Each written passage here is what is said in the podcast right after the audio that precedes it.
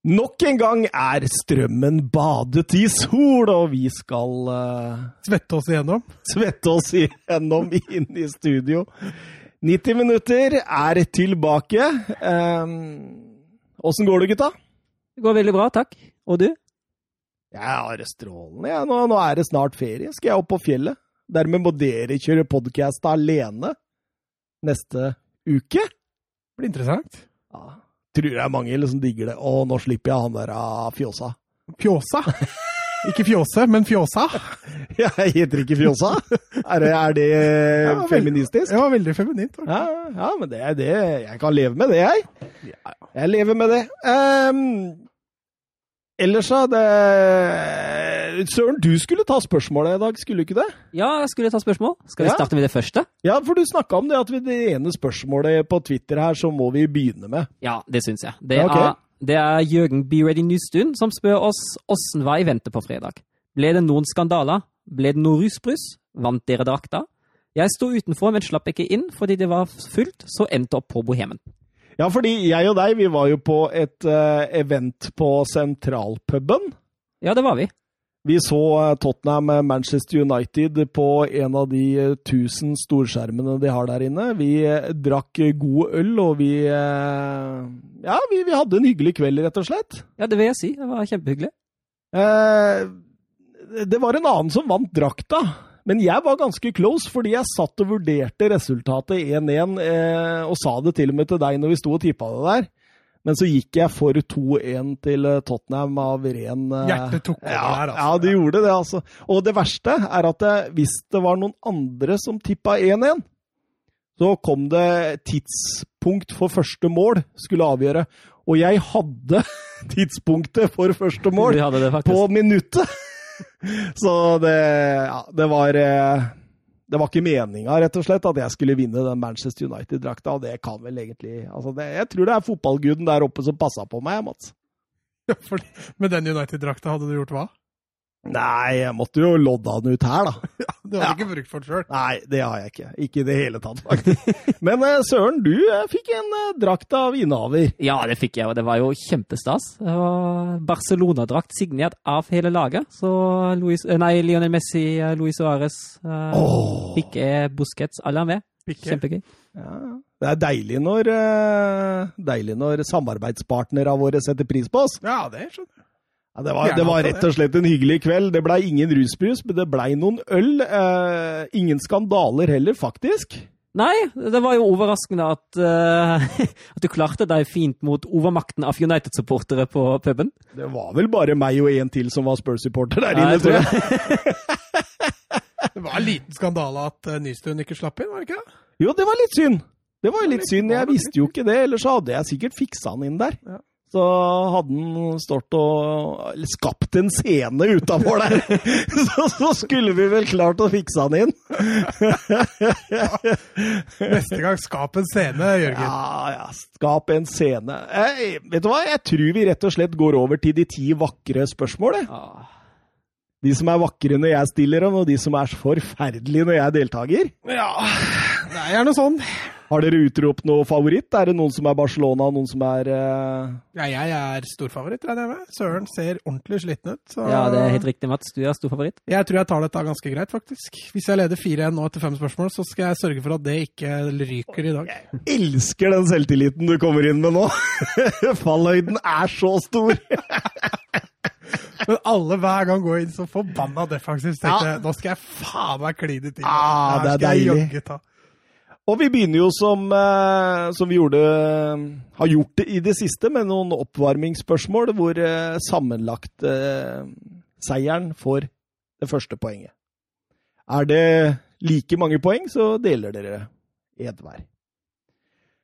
Jeg begynner med Mats. Spørsmål 1A, kan jeg vel kalle det. Hvem har flest VM-mål av Klinsmann og Lineker? VM-mål? Ja. Klinsmann. Det er riktig. 11 mot 10. Så det er, det er close. Søren. Ja. Hvem har flest VM-mål av Maradona og Paolo Rossi? Ja, Maradona hadde jo dårlig VM i 1990. Jeg går for Rossi, jeg. Det er riktig, Søren. Ni mot åtte. Så det er fortsatt ganske close. Spørsmål 1B, Mats. Eh, Juventus sine drakter er inspirert av Notts County sine drakter. Er det fleip eller fakta? Notts County, det er en veldig gammel klubb. Det kunne sikkert Nei, jeg er sikkert fakta, det. Det er helt riktig! Oi, oi, oi. Søren, Ja. Frank Lampard har en IQ målt til 150. Fleip eller fakta? Oi. Jeg mener at jeg har lest noe om IQ-en hans, så jeg går for fakta der òg. Det er riktig, Søren. Det er uh, nydelig. Hvorfor gjør han det ikke bedre som trener, da? Med høy IQ? Gjør det bra som trener? Er ikke det Han bør i hvert fall ha noen visse forutsetninger. Klopp er sikkert ikke så smart. Nei, der, der går det på. Spørsmål 1C, Mats. Hvem har flest Barcelona-kamper av Busquets eller Puyol? Å, den er teit. Uh, Puyol hadde jo tre fjerde flest. Busquets kan ha tatt han igjen, altså. Oh, jeg går for uh, Busquets. Puyol. Ja. Busquets har fortsatt en eh, ja, 22 kamper, as we speak, opp til eh, Puyol. Søren, hvem har flest Wolfsburg-kamper av Maximilian Arnold og Robin Knoche? Maximilian Arnold. Det er helt riktig, Søren. Søren, eh, da, da går du av med oppvarmingspoenget der. Knepent. Nå skal jeg fram til en fotballkamp i spørsmål nummer to. Eh, dere skal si eh, hvilken fotballag og i hvilken eh, turnering eh, den blei spilt i.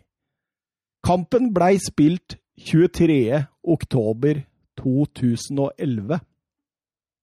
Det var en kamp mellom nummer én og nummer to på tabellen. Det blei hele sju mål i kampen, men seks av målene ble skåret av ett og samme lag. I spilleminutt 47 viste dommer Mark Clattenberg Mats. Ja, City mot United i Premier League. helt riktig! Den uh, Why Always Me-kampen, mm. det var neste hint, så da regna jeg med dere kunne ta den.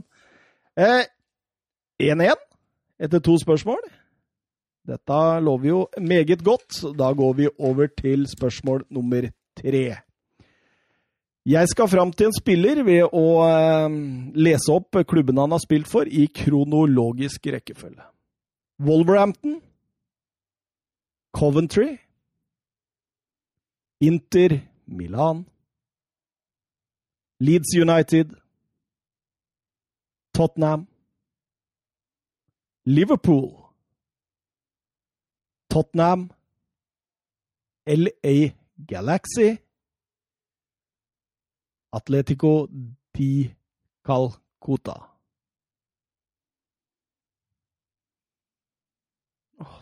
Tottenham Jeg kommer med noe hint hvis dere ikke ja, kommer da, på da, det. da, Tottenham, Liverpool, Tottenham, mm -hmm. eller Galaxy. mhm.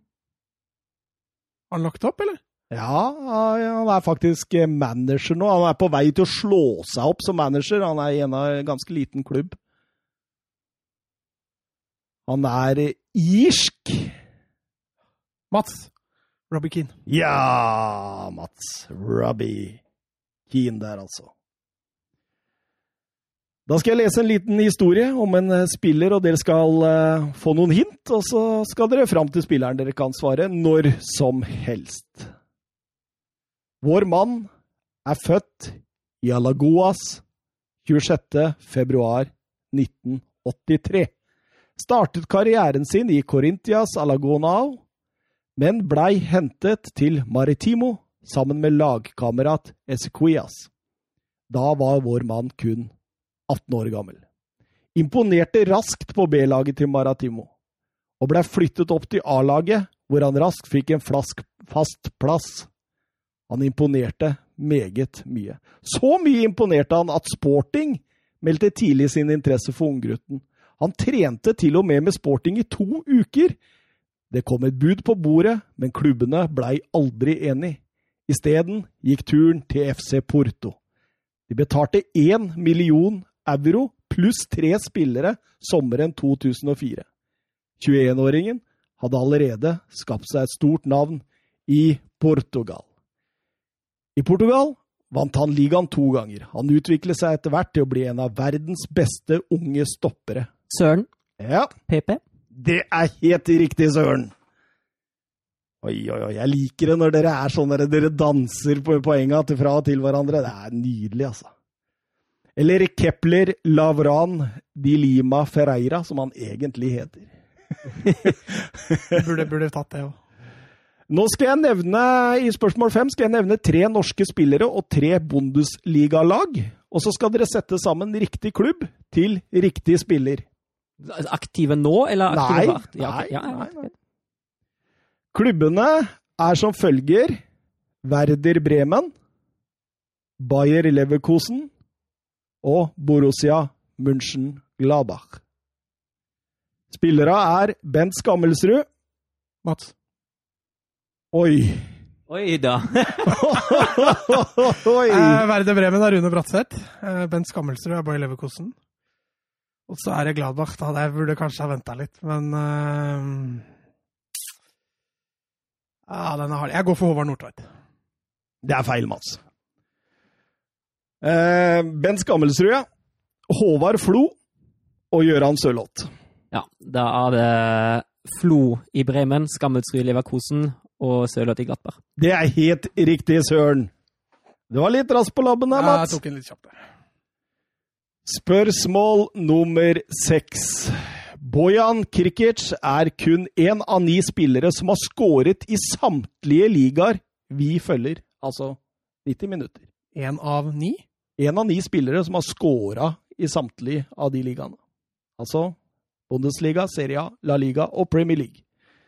For hvilken klubber har han gjort dette? Alle fire? Ja, Han har to i Italia, men Ja. av dem holder.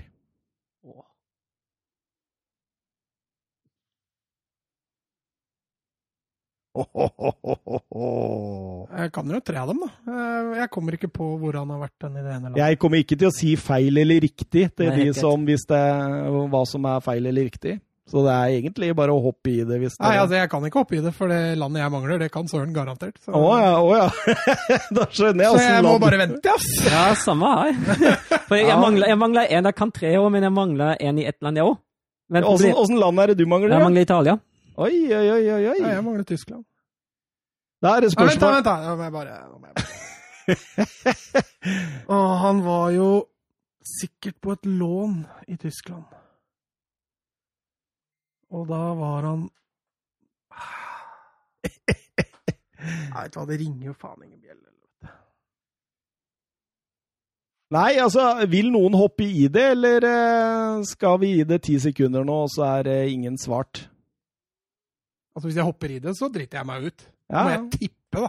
Én av 22 klubber i Tyskland. Men jeg kan si det sånn at alle, det er ingen av disse laga som har rykka ned utenom ett, og da skjønner du jo ja, Resten er i, i den øverste ligaen as we speak. ja, og da er det det laget i England du tenker på? regner jeg med. Ja, Mm. Å, da er det den jævla tyske Jævla italienske.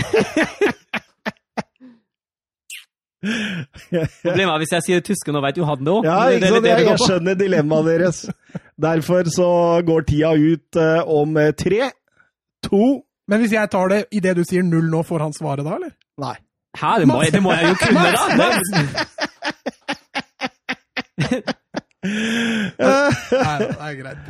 Nei, det er greit. Vi eh, avslutter den. Det var Barcelona, som dere begge sikkert hadde kommet Stoke, på. Milan og Gladbach! Stoke, Milan og Mainz. Stoke, Milan og Mainz er riktig. Og så Men han har skåret flere mål for en annen italiensk klubb enn Milan. Det er Roma. Ja, selvfølgelig. Han gikk jo dit med Luis Henrican.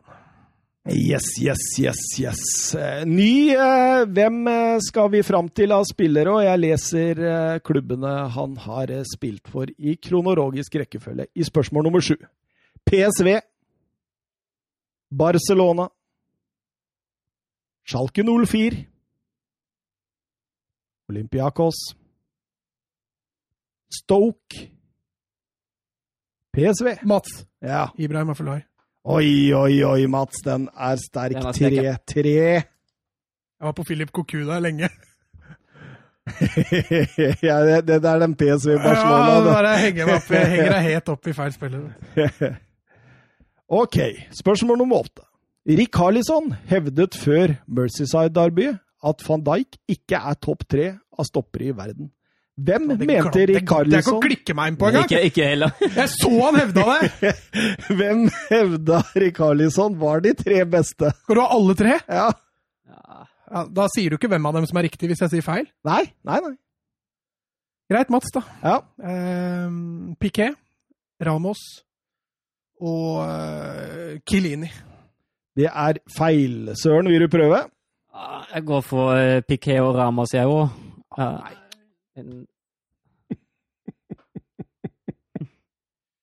Nei, bare si siste, du. det er greit. vil Så VG Laporte. Han måtte jo tatt en brasilianer der. Jeg hadde jo vært et dust å ikke tippe en brasilianer. Tiago Silva, Ja. Marquinhos og Sergio Ramos. To brasilianere var det jeg skulle hatt med. selvfølgelig. Spørsmål nummer ni. En ny Hvem er jeg? Han er født i Buenos Aires 2. juni 1988. Han startet sin karriere i Independiente, hvor han fikk sin debut i en alder av 15 år og 35 dager.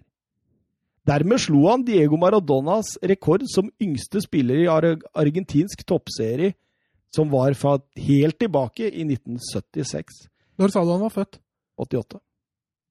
Etter 56 kamper og 26 mål for Independiente la en europeisk storklubb hele 23 millioner euro på bordet for 18-åringen. Kom igjen da, Søren! I 2006 signerte han for hovedstadsklubben Atletico Madrid, hvor han blei en stor suksess. Søren Ja, Diego Forlan. det er feil. Argentiner, søren. Ja, selvfølgelig. Ja. Og utviklet seg til en ekte målmaskin i spann med Fernando Torres. Hele fem sesonger blei det i Atletico Madrid. Ja, jeg vet. Og seier i Uefa Cup-finalen i det vet jeg. 09-10. Skal jeg gidde å lese mer? Nei, bare ta det. Ja, altså, hvis, hvis det er han i City, så svarer jeg det, men Ja, det er ja, han. Ja, Da er det Aguero. Det er riktig. Da er det 4-3 til Mats før siste spørsmål. Og jeg har glemt det sånt. Oh! Da må jeg bare finne på et i, i farta, faktisk. Jeg Bare vent om han svarer riktig, da. Å ja, du veit jeg svarer feil? Nei, faktisk ikke. Det er veldig OK. Ah! Det er vanskelig, det. Spørsmål nummer ti. 27. mai 2014 skrev Pochettino under for Tottenham. Hans første kjøp var en dobbeltsignering fra Swansea. Det var en keeper og en back. Mats, Ja. Worm og Davies. Ja, det er riktig, Mats! Oi, oi, oi. Stupedama går til deg. Favorittene, se. Gikk, det gikk an å gå høyt ut. Ja, ja, nå skal jeg gå skyhøyt ut neste gang jeg er med på dette her. Oi, oi, oi. Vi spiller intromusikk.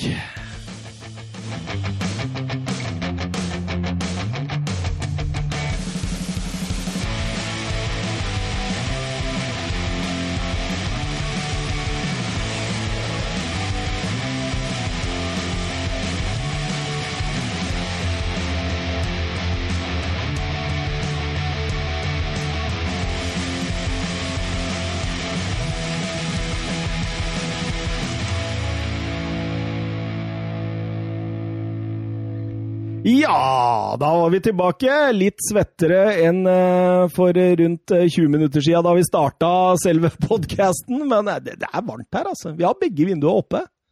Ja, det er helt grusomt. Vi sitter jo i andre etasje, så Og så er det fest rett ved siden av oss også.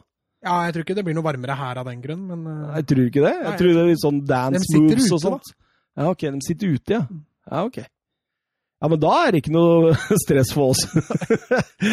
Eh, vi eh, begynner i Premier League denne gangen, og vi begynner eh, på Tottenham Hotspur Stadium mellom Tottenham og Manchester United. Det var den vi så på pub, det, Søren. Ja, og jeg må jo kanskje si at jeg syns at stemningen på puben var bedre enn kampen i seg sjøl, men det får så være. Ja, Men det var ikke så halvgæren, den matchen, altså. neida, for all del. Altså, I forhold til at dette er første kamp etter korona, så var det relativt bra kvalitet på mye av det vi så. Jeg har sett verre den helgen, for å si det sånn. Ja, ja, absolutt. Det skal vi komme tilbake til. Men uh, det er jo stillingskrig de første 20, og så setter Bergwijn inn uh, 1-0. Ja, Han parkerer jo Maguire fullstendig, og så veit jeg ikke hva De Gea driver med der. Altså. Det... Nei, Mats De er litt rustne, begge de to. i den, altså Maguire ser ut som han er 70 år. og De Gea, altså han, jeg tror De Gea blir litt overraska over at skuddet kommer så kjapt. Jeg tror kanskje De Gea forventer at han skal gå litt til før han skyter. og da, Jeg er helt enig, det ser litt rart ut. Hørte Solskjær var ute nå og forsvarte sin keeper, keeper, at det var verdens beste. Er vi enige i det, eller? Nei. Nei, det er vi ikke. Det har vi vel hatt også en keeperkåring på tidligere. Jeg vet at uh, Bergwijn han skårte i sin tredje hjemmekamp på rad etter debuten. Det er den første Tottenham-spilleren som har klart å gjøre det siden, siden godeste Rafael van der Fart i uh, 10-11-sesongen, så det er en god greie. Derfra og ut så er jo Tottenham egentlig best. Son med en kjempekjanse der, og der, der gjør jo De Gea litt opp igjen, da. Ja, sterk redning av De Gea der. Så kom vi ut i annen omgang, og Mourinho legger seg dypere. Helt bevisst, tror jeg. Han var flinkere til å variere dette presset i første omgang. Nå får United veldig mye ball, og det er jo det er jo egentlig et par bytter av Solskjær som egentlig setter virkelig fyr på det, Mats. Ja, altså Pogba han var jo tidlig ute før kampen og sa at de skulle være forsiktige med, med Pogba. og Sikkert derfor han starta på benken. Men uh, han og Greenwood kommer inn, da blir United straks uh, mye, mye hvassere. Uh, de ser ut som de faktisk kan skåre mål. Skikkelig. Ja. Du så hele dynamikken mm. i angrepsspillet forbedra seg veldig. Altså, vi snakker om å ta ut Fred og Daniel James. Det er kanskje de to spillerne i det Manchester United-laget jeg tenkte de holder ikke mål, nå har vi en sjanse. Og, og, og, setter innpå en Greenwood som er jo en mester i å komme seg løs og, og dra innover og fyre av, og en, en Pogba egentlig i strålende spillerhumør, Søren. Ja, jeg syns han, han, virker glad for å være tilbake på banen. Han hadde mange gode involveringer, og også han som skapte straffesparket. Det ble det mye diskutert på puben der. Ja, det ble det. Ja, Om det var straffe eller ikke. Hva tenker du, Mats? Var det ikke flest United-supportere der? Jo, men jo, det, det, det, var jo altså, oh, ja, Var det diskusjon innad i United da? Det, det var United-supportere på den puben som mente at han var kanskje litt billig.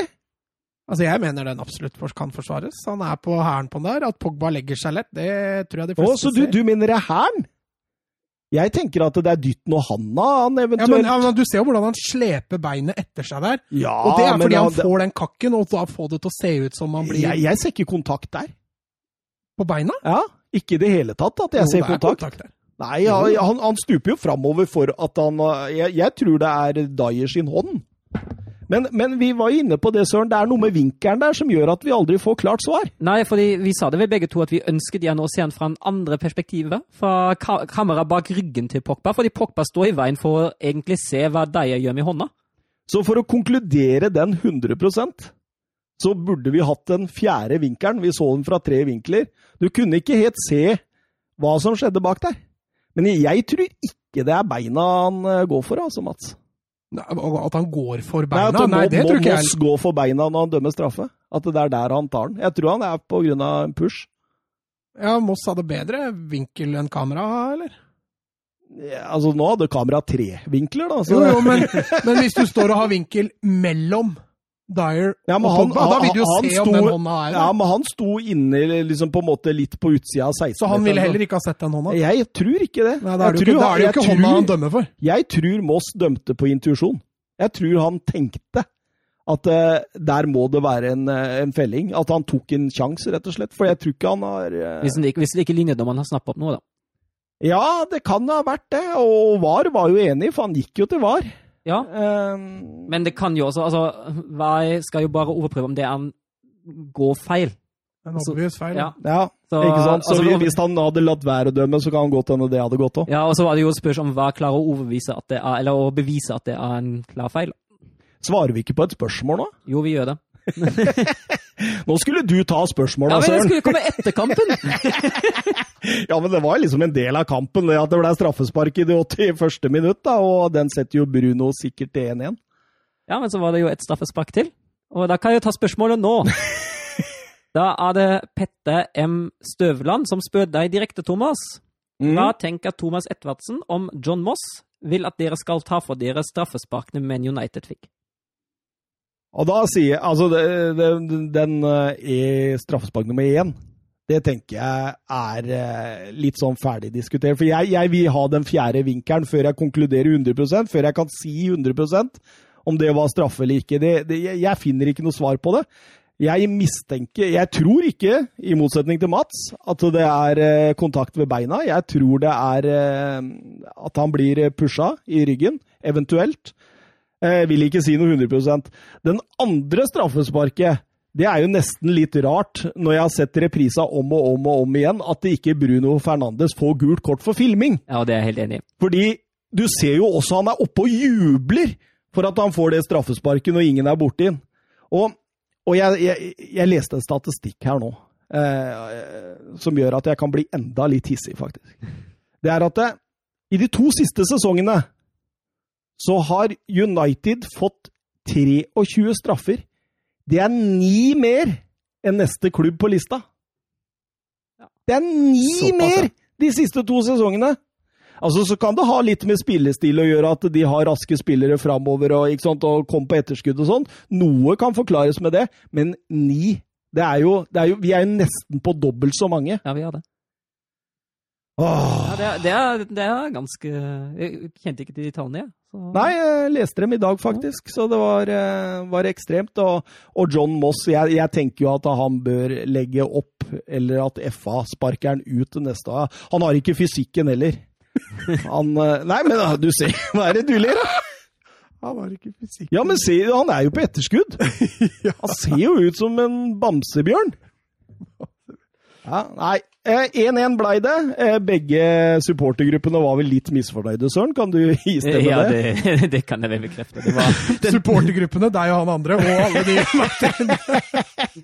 Jeg var i undertall der, men jeg var litt misfornøyd. Jeg var det. Eh, Watford, Leicester.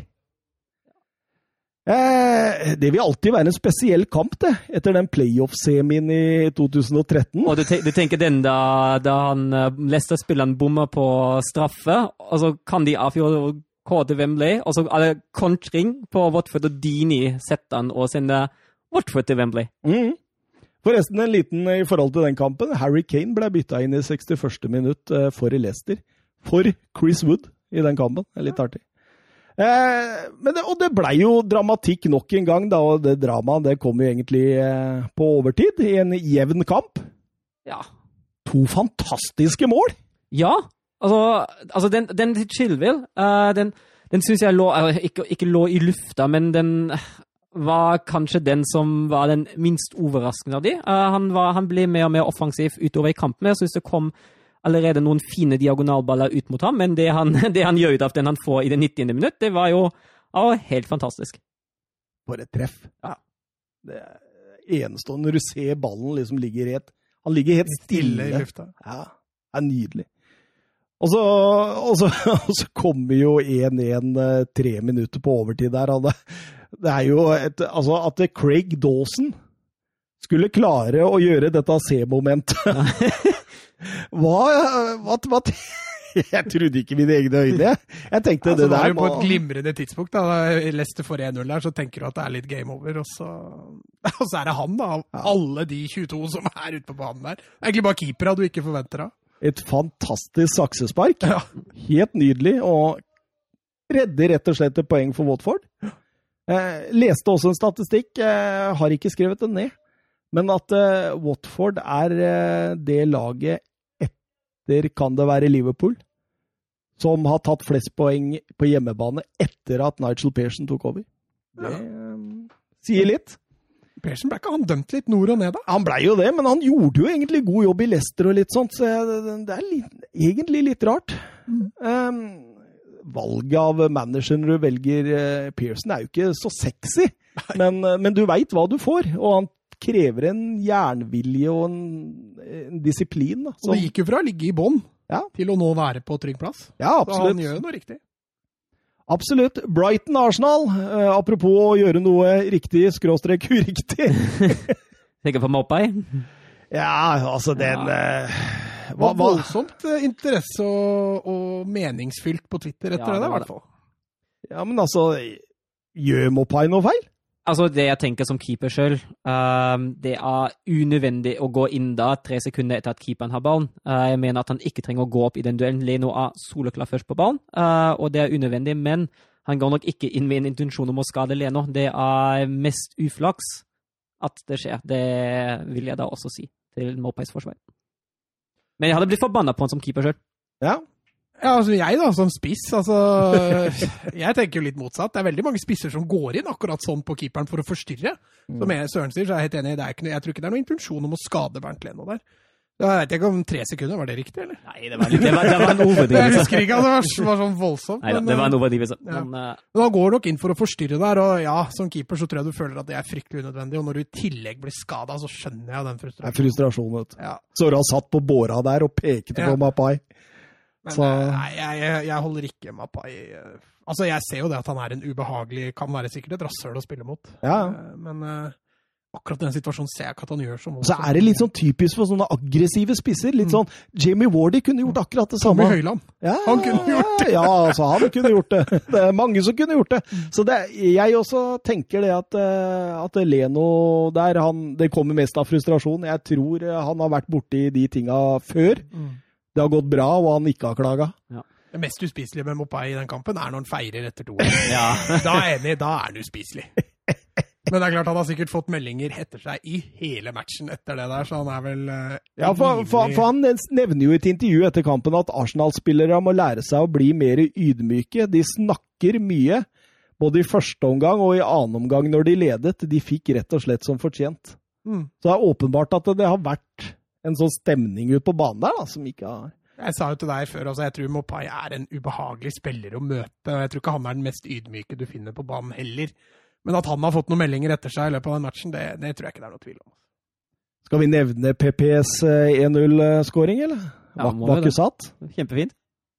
Uh, Mapai sto ikke tilbake det, det, det angrepet der. Uh, altså, dette er nye Brighton.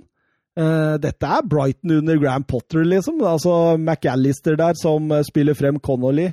Da, I forkant der så har Mapai hoppa over ballen, Ja, det, det, det er det som setter Mustafi ut av spill. Ja. Det er jo akkurat det. og Connolly bare vipper med yttersida ut og over. Der kommer Mapai og setter den sikkert nydelig. Eh, Gendosi og Mapai var ikke gode venner på slutten der. Men uh, Gendosi slipper nok noe karantene. Hadde blitt bestemt nå. At han slipper karantene? Ja, han slipper. Hvorfor det? Han tok jo Ja, halsgrep på nei, jeg veit vet ikke, jeg bare leste overskriften at uh, det blir ikke noen flere konsekvenser for ham. Eh, Det er rart, altså. Det er faktisk et ekstremt rart. jeg har ikke lest kilden, Så- men eh, ja. Så det blir karantene for å sparke noen i balla uten vilje, Mm. mens å ta kvelertak på noen, det, det er greit. Ja. Det er, altså, jeg skjønner jeg, jeg har aldri skjønt den røde tråden i de der ah, etterspilla der, både i egentlig NFF og, og norsk eh, eliteserie. Og, men også i, i eh, FA og England. Altså, at det, er, det, er, det er ikke noe rød tråd bak det. Det ser ut som det sitter folk og bedømmer ting ut fra litt sånn Ja. type de liker og Men, klubb men de nå skal vi sikkert ikke ha Bournemouth Palace, men den til Joshua King òg, Ja, på Cahill. ja stemmer. Det fikk stemmer. Aubameyang rødt kort for, Helt riktig. og det der er jo nesten identisk. Nesten identisk. Helt enig. Ja. Nei, da står i nyheten at han ikke får noe. Så ja. skandale i forhold til den røde tråden de har lagt seg på tidligere. Han burde Det fått er ikke noe rød eh, tråd, han er grønn. Han, han, er- han er grønn. Aston Villa-Chelsea, et par ord om det. Loftus Cheek tilbake. Overraskende i treeren fremme på venstresida der, men det var trolig for å gi Giroli støtte, tenker jeg, på disse innleggene fra spillerkvelta. Eh, Chelsea har jo mye av spillet, men eh, Mount er bra i andre omgang, ass. ja, Fy fader. han er strålende. Han er helt Han er en av de som snur det igjen, for før det så har jo Courtney House satt eh, 1-0. mm. Og så tar han tak der og er med og, og rett og slett snur omgangen for Chelsea. Ja. Og det der, når han setter opp den til Giroud der, Ja. det er litt, litt Messi, faktisk, det han driver med der. Setter opp først en vegg, slipper han ut bredt og så inn til Giro Giroud der, som er både god og heldig. Det bor mye fotball i denne Mason Mount, altså. Aspilicueta, som spiller både høyrebekk og venstrebekk, og to assist og er strålende. Ja, han, han, han holder koken, han da. Ja, og det er litt artig, fordi hvis du ser før den 2-1-skåringa der, så blir han dritsur for at han ikke får ballen på den første bevegelsen han gjør. Ja. Og det er helt riktig at han ikke skal ha ballen, for han trekker jo på seg to spillere. Mm. Men da i tredjemannsbevegelsen han da kommer til å gjøre seinere i angrepet, så blir han helt ledig. Så artig. Absolutt. Ja, Skal vi si noe mer om kamp, eller skal vi gå inn på spørsmål? Vi kan ta et spørsmål. Ja, da har vi fått ja, litt sånn to spørsmål, vil jeg si. Det er Jonathan Hobba som spør hvem rykker ned fra Premier League, tenker dere? Og så er det Sandra HJ som kommenterer dette med dere har tidligere fredet Villa fra nedrykk. Gjelder den ennå? Ja, Norwich dem dømmer jeg ned, faktisk. De er nede. Eh, De er nede. Men den siste, de to siste der, det er altså så tett og jevnt. Det er mulig Brighton med seieren over Arsenal nesten berga plassen. Nå er det vel bare, kanskje bare én seier unna å være safe? Ja, vi har vel kanskje sluttresultatet i kampen? sist, jeg sjekker, var det fortsatt 0-0? Skal vi se. Ja. Eh, Fem minutter før slutt, Leicester Brighton 0-0, og hvis de klarer det resultatet, så tror jeg de er ute av det. Nei, ja, men jeg tror de må ha én seier til. Ja, Men de, de møter fortsatt Norwich. De har Siste tre har de mot Southampton, Newcastle og Burnley, så da skal det være mulig å ta poengene som trengs. Brighton eller Norwich? Brighton. Ja. Um, Ja, altså, Aston Villa, Bournemouth, Westham, Watford jeg sliter med å skille ut noen av dem. Hvis, vi, vi kan ikke vingle. Nei, men nå ett Kan ikke vingle, så Villa er safe. Han. Villa er safe. Villa er Vi kan, vi kan ikke vingle! Greit, Hvem sender du ned da? Eh, Bournemouth er ned. Det er jeg ganske sikker på. Og nå må de klare seg uten King òg? Ja, og Frazier. Frazier har jo sagt nå at uh, vet du hva, jeg eh, fornyer ikke kontrakten ut sesongen. Jeg vil eh, gå så fort som mulig til en annen klubb. Ja, det er blow. Så det, det, det, det Jeg tror Bournemouth er ned. Bare Westham eller Watford, da. Ja, hvis vi ikke skal vinge. Men, men Altså- Søren ble veldig ivrig Ja. når vi fredag vinner Nei, altså hvis, hvis, du ser på, hvis du ser på hvem de lagene har igjen, de åtte kampene per, og hvis du da ser på gjennomsnittsplasseringen de lagene møter, da Altså Norwich er ned, jeg er helt enig, de møter en gjennomsnittsplassering på ca. 11. Men uh, hvis du ser på bare plasseringa, er det letteste programmet til Watford og Westham. Westham har en gjennomsnittsplassering på 12. De har tre kamper igjen mot andre lag som jeg vet om, med Norwich, Watford og Villa. Men, men, men med dette, Søren, så kan det godt hende du har det der ah, Har noe å spille for, har noe ikke å spille for. Ja, men altså de, Jeg har litt å si, altså. det, det er jeg enig i, men samtidig sitter det også altså de, sitter jo, de møter jo også Newcastle og Burnley, Mm. som kanskje ikke har sånn supermye å spille for nå på tampen av sesongen. Nei. Um, Watford uh, har også en kamp igjen mot Norwich, og de møter også Westham direkte.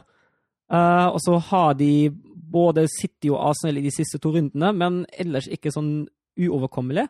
Hvis du ser på Burnhamouth, jeg er enig i at Burnhamouth er ganske tapt. De har blant annet uh, Wolves, Man United, Spurs, Leicester, City og Everton. Um, Det er tøft. Esten Villa ha et noe, noe tøft program, de òg. Blant annet Wolves, uh, Liverpool, Manchester United, Everton og Arsenal. Siste runde møter de Westham, og det kan jo bli en slags nedrykksfinale. Mm. Ja, hva var konklusjonen din, da? Jeg tror Burnworth og Villa går ned, sammen med Norwich. Norwich, Bournemouth Altså- og Villa. Du kunne ikke eh, betrygge en av våre faste lyttere. Altså må det jo sies Da at, mista vi jo hun.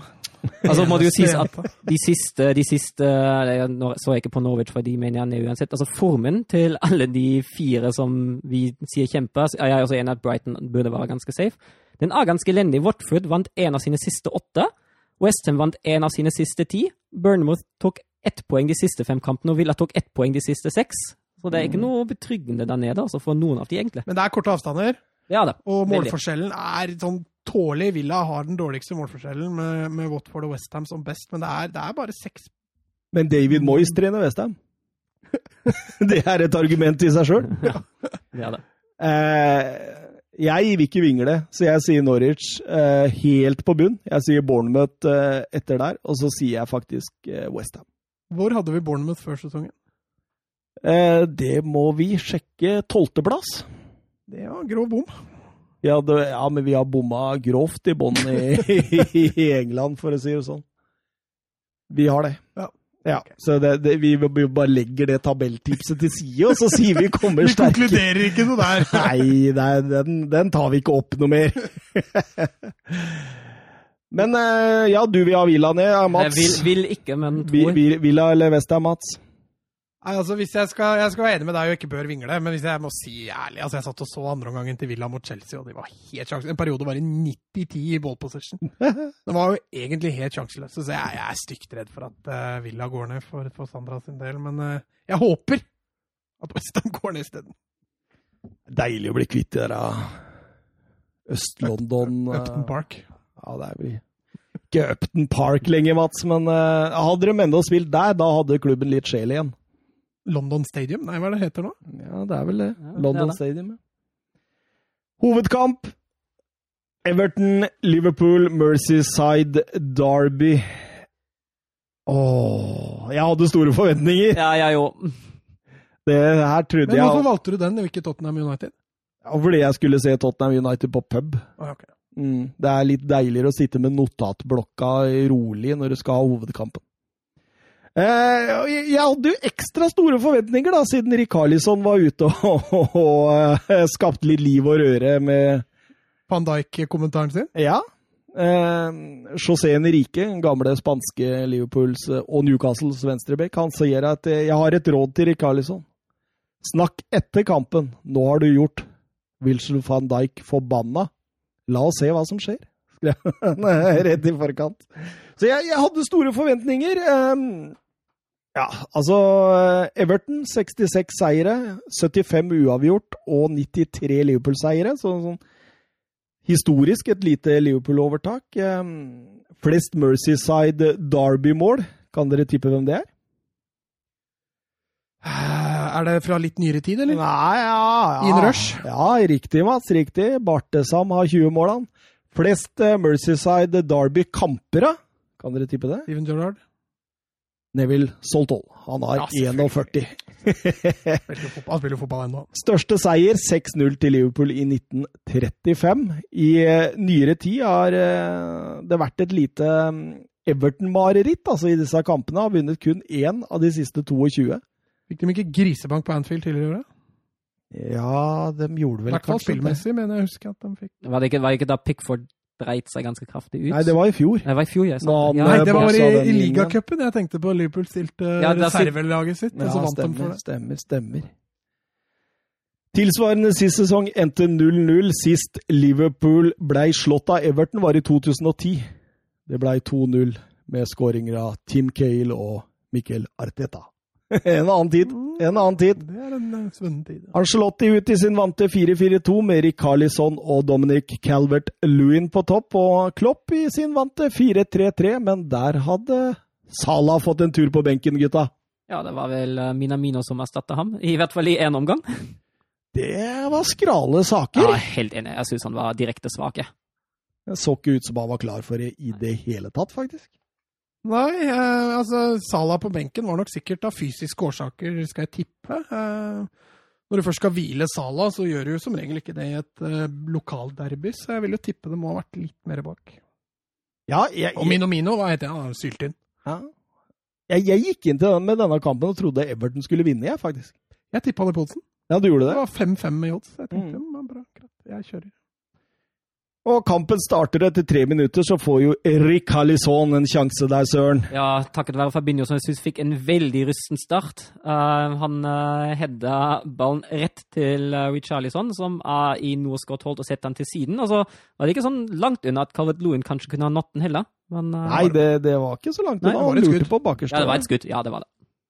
Eh, Everton er veldig opptatt av etter hvert da å ikke bli tatt i ubalanse. Det står jo veldig klart og tydelig. Liverpool eh, finner ikke åpningene, og, og, og når kampen blir stående sånn, så blir det et lite gjesp. Ja, og så syns jeg også Everton er veldig flinke til å spille av seg det høye Liverpool-presset. Uh, de finner som regel en god løsning bak, og når de da ikke gjør det, da slår de inn langt. Jeg syns egentlig det så, så veldig greit ut, det de gjorde bak da i oppbygginga.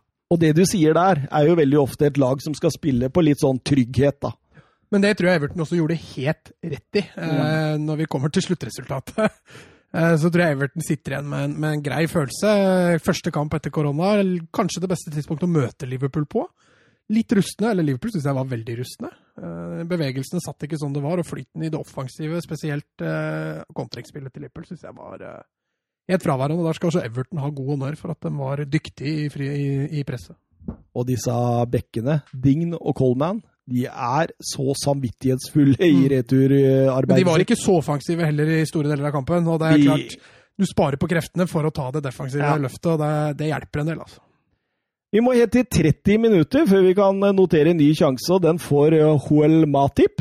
Ja, han uh, har vel etter et Alexander Arnold-frispark at han hopper høyest, men bommer på lengste. Ja, det er dårlig. Ja, det er dårlig heading. Han, han, han, går, han, går, opp helt Han har ikke noe press. Det er klart ball, det går en duell foran der, som mulig blir satt litt ut av den, men han går opp helt upressa på seks meter og bommer fullstendig, altså. 33 minutter, Firmino-sjanse. Det burde vel egentlig vært en enda større Keita-sjanse, for at det ikke Firmino bare legger den ut til Keita der, istedenfor å gå på skudd sjøl. Det virker litt småegoistisk. Det er litt det jeg mener med rusten. Ja. For en Firmino i form der, så hadde jo den gått til Keita. For Firmino er ikke en utprega egoist. Altså. I forkant av dette så er det faktisk det beste Minamino ja, noen gang gjorde. Ballen, ja. jeg finner ikke noe mer han gjorde, omtrent. Så må, Trepoengeren din, med andre ord, går til ja. Så må James Miller ut med strekk. Joe Gomez inn. Da, da begynner det å skrale på for venstrebacker på Anfield. Ja, men så det jo også utover i andre omgang. Uh, Gomez var igjen et stykke mer defensivt enn Alexander Arnold på høyresida. Uh, det skyldes jo nok at Gomez, uh, Gomez og innlegg med venstrefot, det, det er ikke noe særlig. Nei, det er ikke noe særlig. Det er ikke noe særlig, tror jeg, nei. Um, ja, går til pause. Det har egentlig vært en uh, fotballkamp hvor du tenker at her må det skje noe mer snart. Ja, det, jeg satt og tenkte i pausen at den kampen her trenger en goal. Altså. Ja, det, det, det, For at et av lagene skulle begynne å, begynne å ofre mer. Minamino ut til pause, Oxlade Chamberlain inn, og egentlig så starter annen omgang som første omgang avslutta. Det, det skjer ingenting! Mm. Altså, dette er hovedkampen vår fra forrige episode om igjen, ja, ja, ja. Eh, noen bytter. Eh, Keita Firmino ut, Vinaldum og Rigi inn. Eh, Gylfi Sigurdsson får et innbytte der for en Gordon, som eh, relativt ung spiller som ikke fikk til så mye. Nei, men han, eh, jeg syns ikke han gjorde seg bort heller. Jeg syns han spilte eh, Veldig samvittighetsfull ja. i det defensive arbeidet, i hvert fall, og hadde de metra å gå på som gjorde at Altså, Everton trengte meter.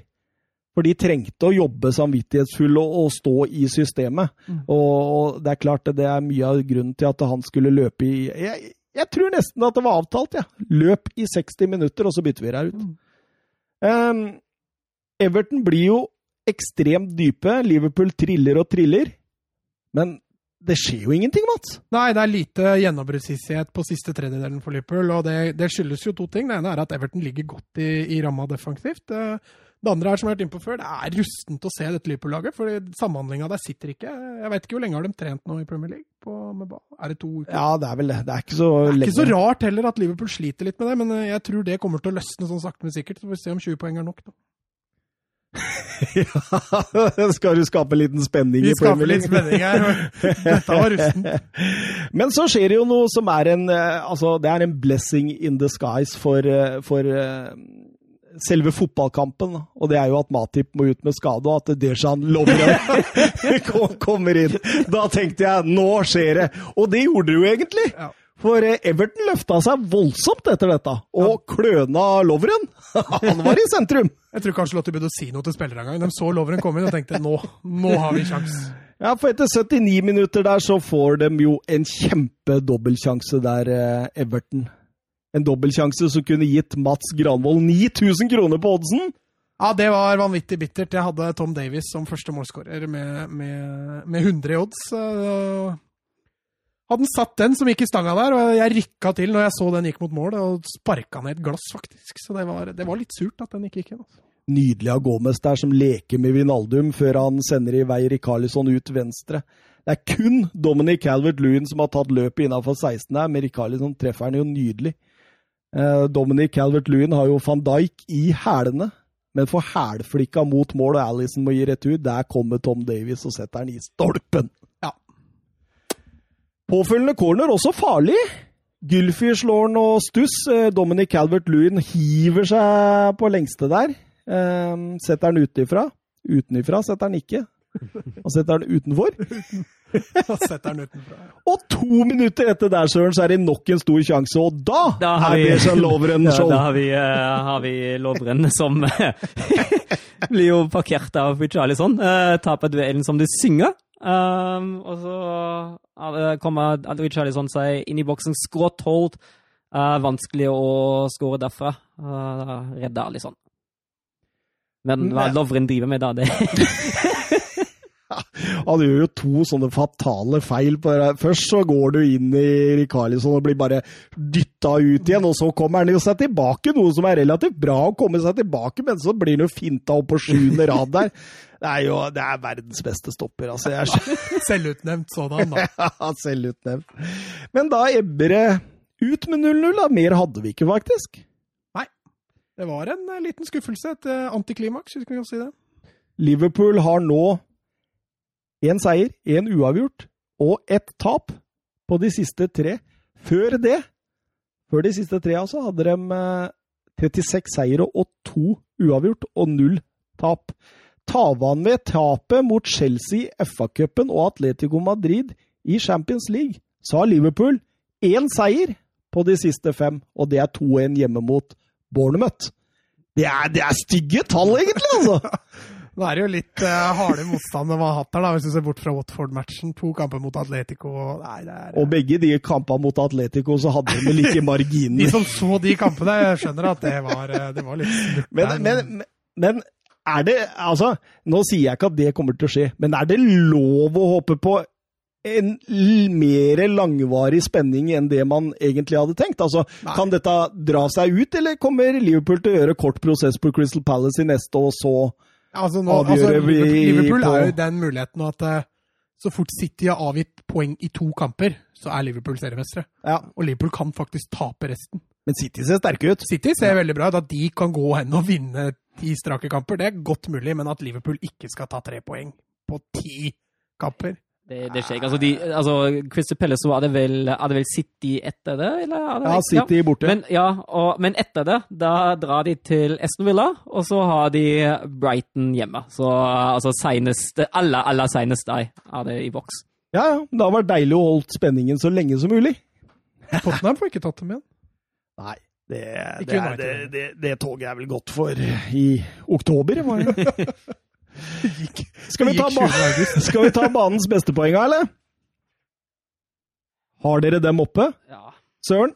ja, og jeg sa jo forrige kamp at det var vanskelig. Eh, Jeg syns det var det var enda vanskelig nå. Jeg hadde faktisk ti kandidater, og det skyldes ikke at ti spillere presterte kjempebra her. Det var at ti spillere presterte på det Gjorde, Jevnt- jobben sin. Jevnt all right. Um, så dette har blitt litt random sikkert, men jeg gir min tre poeng til, til Keita, uh, som jeg syns gjør en strålende kamp. Uh, I hvert fall i første omgang. Han, jeg tror han begynner å bli litt sliten i andre omgang. Uh, og så blir han bytta ut etter 65, men jeg syns han er sterk. Han har god gjenvinningsfasen. Han involverer seg i det offensive spillet. Da ja, syns jeg det er greit at han får tre. To gir jeg til Coleman, som unntatt i én situasjon har god call på Mané, og ikke la ham komme seg inn i spillet egentlig i det hele tatt. Fjerne den trusselen. Han var totalt borte. Ja. Og så gir jeg en til Richarlison, som var den mest farlige av uh, Evertons Samtlige offensive spillere. ja, egentlig. altså, ja, det kan du egentlig si, ja. Mm. Uh, han gjorde en ålreit kamp, selv om det fungerte jo ikke alt for ham heller. Men altså, jeg kunne ha gitt til van Dijk, til Alexander Arnold, til Davis, til Holgate. Altså, det, det var mange her på lista som Colgate, kunne mener du? Det var det du sa, da, var det ikke det? Så her var, det, her, her var det mange på lista som kunne ha fått uh, poenget, altså. Ja, nei, jeg, jeg, jeg er nesten helt enig med deg. Jeg har eh, Jeg har, eh, jeg har Richarlison på tre, faktisk. Eh, Litt, litt sånn på trass, fordi det er en litt kjip kamp, og har lyst til å hylle det lille offensivet som var. Og som jeg sa, så syns jeg Richarlison var den klart beste offensive spilleren i kampen. Coleman får, eh, får to poeng. Han hadde, som du sier, full kontroll på, på Mané. Og så gir jeg ett poeng til eh, van Dijk. Jeg syns også han var, eh, Altså uten van Dijk der, det, de kunne blitt kontra i hjel. Altså. Oi, oi, oi! En situasjon hvor én gir trepoenger og én har utelatt. Det, men det måtte bli en sånn kamp som dette, i så fall. Ja, ja Simen Coleman på tre poeng. Jeg syns uh, Han var så god at jeg fyrte den inn på Fantasy wildcard-laget mitt denne gangen. Jeg syns han var strålende. Uh, spesielt defensivt, men uh, hadde også bidrag offensivt og, og var bedre enn sin kollega på høyrebekken Trent Alexander Arnold. Jeg har to på Nabi Kaita. Jeg syns litt synd at han ble bytta ut, egentlig, for jeg syns han var best på den treeren på Liverpools midtbane. Eh, Fabinho kunne kunne det ha vært hvis det ikke har vært sånn skikkelig rotete første 15-20? Mm. Men dette her var en litt sånn Fabinho-kamp, for jeg vurderte Fabinho sterkt, jeg ja. òg. Det er litt mm. sånn der hvor de dype gjør en god kamp fordi ja. de ødelegger for de andre. ikke sant? Ja. Rikarlisson får eh, ett poeng, eh, mye på grunn av det du sa, Mats. At det er jo det egentlig det offensive bidraget man egentlig har. Syns Firmino var dårlig. Syns Mané var dårlig. Syns Minamino var dårlig. Jeg syns Origi var dårlig når han kom inn. Jeg syns Dominic Calvert-Lewin var OK i noen faser av spillet. Men, det er de fasene han også er god i hele tiden, ja, da. Ikke sant? Det er det han er god på, liksom. Ikke sant, ikke sant. Så Rikarlisson, du fortjener det. Eh, I går så ble det spilt en kamp på Etiad. Manchester City vaska gulvet med Burnley. Ja, de vaska vel gulvet med det andre laget på, på rappen. De vaska vel også ganske hardt gulvet med Arsenal. De gjorde det? Ja. Um, Syns det var veldig sterkt, særlig det Phil Forden presterte. Det var en glede å se en uh, ung spiller blomstre litt opp. Det, ja, det, er, det er litt sånn spiller etter ditt hjerte, Mats. Ja, er no look-passet han har der til Silva. Oh. Mm. Og engelske tabloider får jo bare enda mer bensin på bålet i hvorfor han ikke spiller mer. Ja, men jeg tror eh, han er tiltenkt rollen til David Silva. Han ja. er jo ferdig nå, og da går Foden glatt inn der. Og du ser han kan både spille venstrekant, høyrekant og indreløper. Så at han får en rolle i dette laget framover, det kan jo ikke være mye tvil om. Men vi satt jo her i U21-EM og bare sikla når vi så Phil Foden leke med de motstanderne sine. Helt strålende. Helt strålende er han. Og Guardiola bytta faktisk åtte mann han, fra seieren eh, mot Arsenal. Eh, Daesh har mønstra ti engelske spillere i førsteelveren. Eh, det har ikke skjedd i Premier League siden Middlesbrough i mai 2006. Det er ganske ja, men Det er ikke vanlig. Det kommer du til å se sjeldnere og sjeldnere i Premier League. Ja, så jeg syns den var litt uh, artig, men det Men du så resultatet òg, da?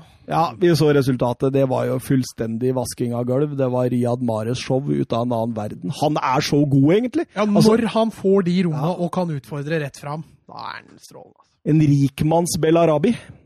Ja. eh, men eh, ja. Sesongen kan være over for Aguero. Litt lite score i eh, men, men jo, dette må du ikke glemme! Så dere Ja, jeg syns det var så deilig å se på. Dette var innovativt. Dette var nytt. Jeg har aldri sett noen, og jeg har aldri sett Pep heller, bruke Ederson så aktiv i oppspillfasen som han gjorde denne gang. Så du Ederson? Han tok faktisk et par spurter for å komme seg opp eh, ved siden av stoppera, eller eh, også stå som en sånn tredje stopper, mm. Men, og begynte å strø pasninger, men stoppera sto høyere, og eh, bekkene bare dro framover. Så var det egentlig Ederson som sto og styrte, og så jogga han fort tilbake igjen. Og så når han kunne komme igjen, så var det rett opp igjen. Det var helt sjukt å se. Bare se spesielt også, så ser du et nydelig, nydelig Jeg blir ivrig. Et nydelig bilde på det i, eh, i minutt 46-47 eller noe sånt. Nå. Det er helt sånn ekstremt å se hvordan han tar det der spurten for å komme seg opp og begynne å spille ball med Otamendi og, eh, og Fernandinho. Men dette har jeg sagt før òg, at Pep har uttalt at jo. i framtida så vil keepera bli mye mer aktive for ja. å skape det overtallet. Men i denne kampen så så du at han hadde liksom på en måte tatt det ett steg til. Mm. At han, han, var sikkert så safe på at uh, dette kommer vi til å vinne uansett. Så her må vi bare mm. Så dette Det, det, det var artig greie, altså. Søren! jeg blei ivrig. Ja, det er jo hyggelig, det. Det er alltid hyggelig å se keepere bli brukt på en ny og spennende måte, jeg er enig. Ja, Har du teknikken til å drive på sånn? det, det kommer an på motstanderen. La Liga Eh, Før vi går videre, Oi. jeg glemte faktisk et spørsmål etter hovedkampen. jeg. Ja, OK, Med kom igjen. Uh, hvor troverdig uh, er Mané pluss penger mot Mbappé? Ryktet tenker dere spørsmål stilt av Vebjørn Fredheim. Beklager, Vebjørn. Neste, Vebjørn. Det er ikke aktuelt. Ja, enig. Kommer ikke til å skje. Altså, bytte, altså da at, at eh, PSG får penger og Mané for Mbappé. Det rimer jo, da, så det hadde vært litt kult om eh, Men altså, det er, det er jo litt gjerne liksom i mediene. De liker jo å spekulere i sånne spillerbytter. uh, Og Det er så sjelden. ja, det er akkurat det. Altså, hvor, hvor, hva har ikke vi fått av rykter av spillerbytter uh, gjennom årene? Og det, det skjer jo nesten aldri. Det er deilige rykter, da. Ja, det er alltid morsomt. Var det noen flere spørsmål om engelsk fotball, eller var vi over? Nei, Jeg har da, ikke glemt noen flere, jeg. nei, da går vi til Sevilla-Barcelona, da, Mats. En forferdelig kjedelig fotballkamp. Ja, det var et overraskende defensivt Sevilla mot et Barcelona som ikke evna. Eh, og det blei relativt kjedelig, det er jeg helt enig i. Rett før pause der, Messi og Diego Carlos. Er Messi freda, eller? Hvorfor fikk Han han ikke gult kort engang? Han er heldig der, som uh, egentlig får fullføre kampen. Um, Det er to strake, og han dytter den, liksom. mm, ja, det ser nesten ut som et slag òg. Ja, Ja, det kan se sånn ut. Ja. så nei, han er nok kanskje litt uh, freda. Nei, han er, skal jo ikke være det, men han er kanskje det likevel. Det blir litt sånn, det er lettere å dømme straffespark for Manchester United på Old Trafford enn for eh, Stoke på Britannia. Mm. Det er litt det samme her, kanskje. at Det er lettere å gi et rødt kort til uh, Diego Carlos. Ja, enn det er til uh, Lionel Messi. Det er det. Det, det blir jo også Det er også litt sånn med, med Bayern-spillere i Tyskland. Vi ser jo at de gjerne får Ja. Uh, Luis Gustavo er et godt eksempel. Uh, han fikk jo drøssevis av røde kort, særlig andre gule i både Hoffenheim og Wolfsburg, men han fikk ingen utvisninger i Bayern. Nå er jo et litt annet spillestil der òg, men det er jo gjerne ballen litt mer. ja, men det er jo gjerne litt at, man, at, man, at de store spillerne slipper litt lettere unna. Uh, Davis uh, burde jo blitt rett utvist med rødt kort mot Veda Bremen forrige uke, da vi satt her. Han fikk jo sitt andre gule en time seinere. Men ja, ja, det, det, er noe, det er noe med det, og jeg tror jo kjentere en spiller er, desto vanskeligere er det for en dommer å utvise den. Og så er det jo verdt å nevne at Frenkie de Jong da mest sannsynlig er ferdig for resten av sesongen. Jeg leste også at han var litt misfornøyd med det medisinske apparatet i Barcelona som hadde feilmedisinert den, eller feildiagnosert den, heter det. Så det er et, helt klart et blow, det. altså. Selv om Barcelona er godt forspent på midtbanen, så er, er det nok kjipt å miste de Jong. altså. Piquet skuffa etter kampen, eh, mente at Real Madrid eh, ikke ville tape poeng ut sesongen. Eh, Kikki Setien var ikke helt enig der. Altså at Real Madrid taper poeng? Ja, Vi har fått et spørsmål om det òg. ja vi har det. Vi har det. Oi, oi, oi, nå, nå er han på jobb! Ja, Nå er han på jobb! Um, skal vi ta det nå? Ja, gjør det. Ja, er Geir Halvor Kleiva som spør hvor er det Real Madrid kommer til å snuble på vei til ligatrofeet. Altså, Real Madrid har jo ikke igjen noen sånne voldsomt vanskelige kamper. Altså, Atletic Bilbao borte blir jo en test, men sånn som Real Madrid er nå, jeg tror de vinner der. Og hvis, hvis Real Madrid skulle snuble, så er det i sånne enkle kamper, sånn hjemme mot Leganes i siste eller sånn, da kan de finne på å snuble. Men Barcelona har faktisk da et tøffere kampprogram, så jeg, jeg tror også Barcelona kommer til å avgi mer poeng, og da tror jeg det blir vanskelig, altså. Du Altså, det, tror rett og slett på Real Madrid-seier? Altså, Hadde Barca slått Sevilla der nå, så tror jeg, da tror jeg de hadde hatt det ene poengtapet til gode. Men nå har de ikke noe mer poengtap å gi, og det tror jeg de kommer til å få. Og, da, da er... Og det er litt det med eh, Piquet var ja, eller, og jeg, ja, er for så vidt enig, selv om han sikkert prøver litt sånn eh, psykologisk, psyk- psykologisk spill. her for å, for å eh, prege Real Madrid-spillere. Altså, altså, jeg tror Real tar borte mot Bilbao, som er den tøffeste kampen. Og så hvis de snubler, så er det sånn mot et av de kokoslagene litt lenger ned på tabellen. jeg vil jo si at de, de kampene om tre og fire runder for Real Madrid og Barcelona de kommer til å være noe avgjørende. Uh, fordi om tre runder er det Real Madrid mot Getafe hjemme, som ikke alltid nødvendigvis er lett, men det er på hjemmebane, så det skulle man tro skulle gå. Mens Barcelona møter Atletico, uh, og etterpå er det runden etterpå er det som du sier, den bortekamp mot Bilbao. Og da reiser Barcelona til Villarreal. Mm. Uh, og etter det da Altså, Real har fortsatt Villarreal hjemme, men det, det er ikke så mye å avfyre poeng for, altså. Etter, Nei, jeg tror ikke Det er Barcelona-Atletico, det lukter så 0-0. Ja, i hvert fall, i hvert fall det Barcelona-laget nå. Ja, det de viser mot Sevilla, hvis de tar med seg det inn mot Atletico, og Atletico fortsetter å krige og forsvare seg som de har gjort de siste to kampene, så, så skal Barca få jobbe hardt der for å få et mål. Altså. Og det var jo en glidende overgang til eh, Atletico Madrid, Real Valladolid. Eh, skulle gå lang tid, da. Lang tid. Ja, da. før målet kom, ja. ja. Ja, godeste Vitolo header inn der, og VAR var jo på Eller Goal Line Technology. I motsetning til kampen eh, midtuka sist, så var Goal Line Technology på jobb. Vitolo får den for fire centimeter innafor streken der. Tenker du på Sheffield United? Tenker på Ørjan Nyland sin sprelling i nettet der, ja. Eh, det er jo helt utrolig. Han ligger jo inne i mål lenge med ballen. Jeg Jeg fatter ikke at det der ikke Men VAR burde Ja, i hvert fall hatt det. Altså, hvis, hvis, hvis teknologien streiker, må jo VAR på banen. tenker VAR. Fader. Den må jo være inne. Ja ja. Nei, nei vi går videre. Vi, vi satser Ja. på Vi ser nok feil. Nei, da, altså Atletico Madrid fullt fortjent 1-0-seier, men, eh, men det var litt sånn eh, Det var jo selvfølgelig en fryktelig kjedelig kamp, men en typisk Atletico-seier der.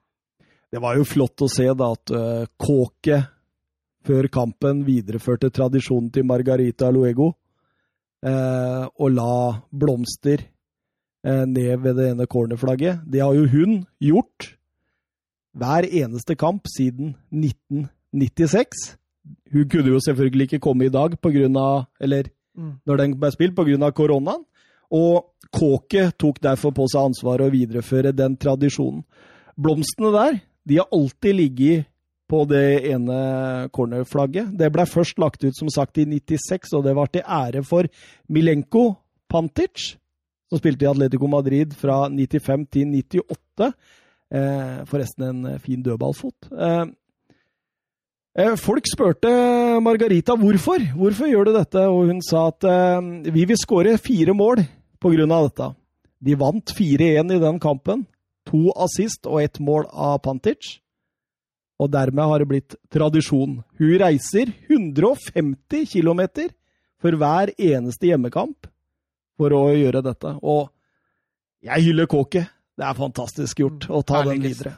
Og, og det som er litt morsomt, det er at eh, målet kommer etter corner fra Det det hjørneflagget, ja. hjørneflagget hvor blomstene ligger. Mm. Slått av Kåke. Meant to be. det- er nesten litt sånn frysninger. det er så digg. Åh.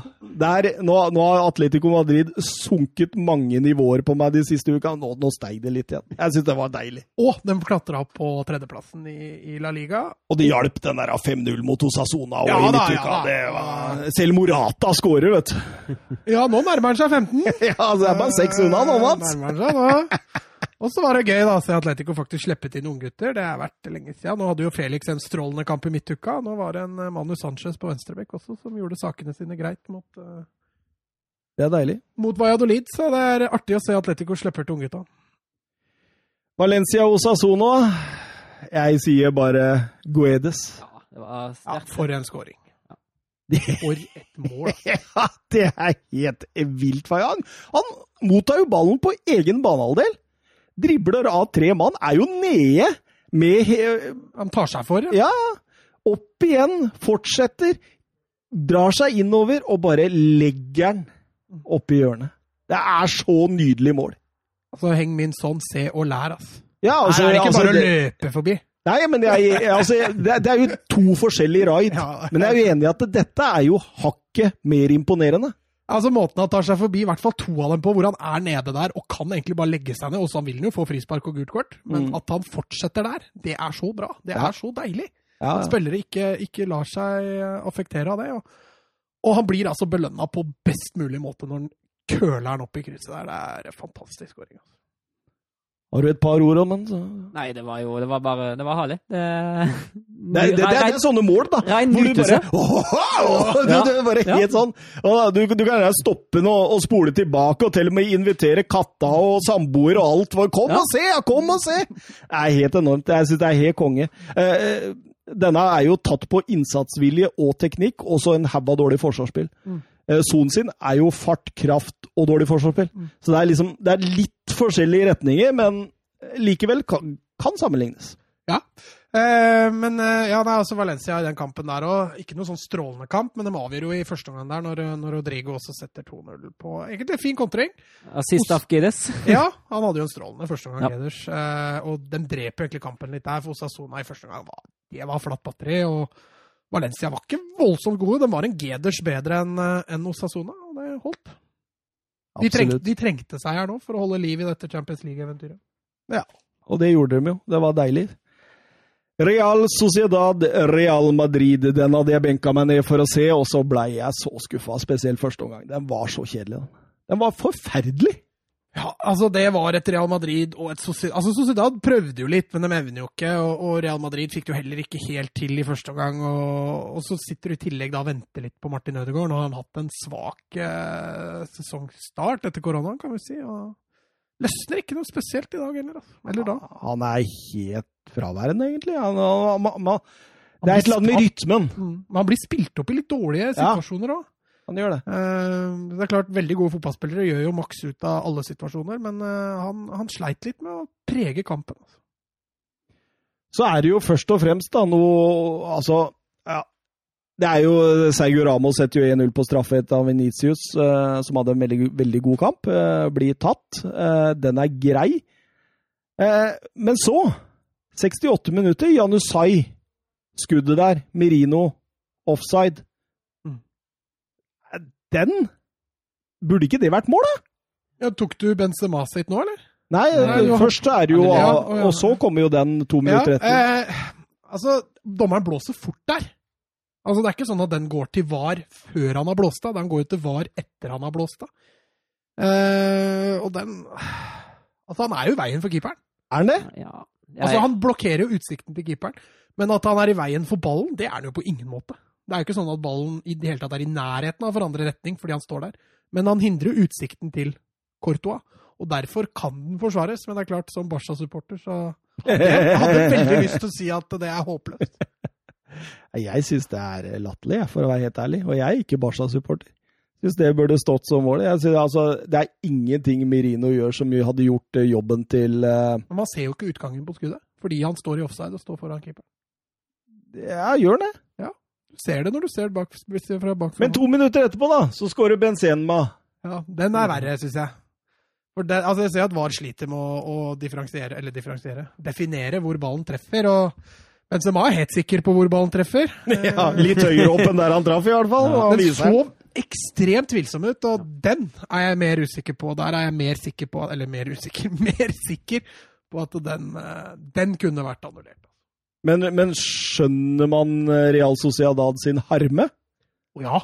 Der føler du jo at når du får to tvilsomme mot deg, 50-50 kanskje til og med, eller de følte det kanskje som 50-50, eh, og begge går imot deg, og vips så står det 2-0 istedenfor 1-1, og det, det føles kjipt. Tror du han hadde gjort det på et eh, fullsatt Anueta?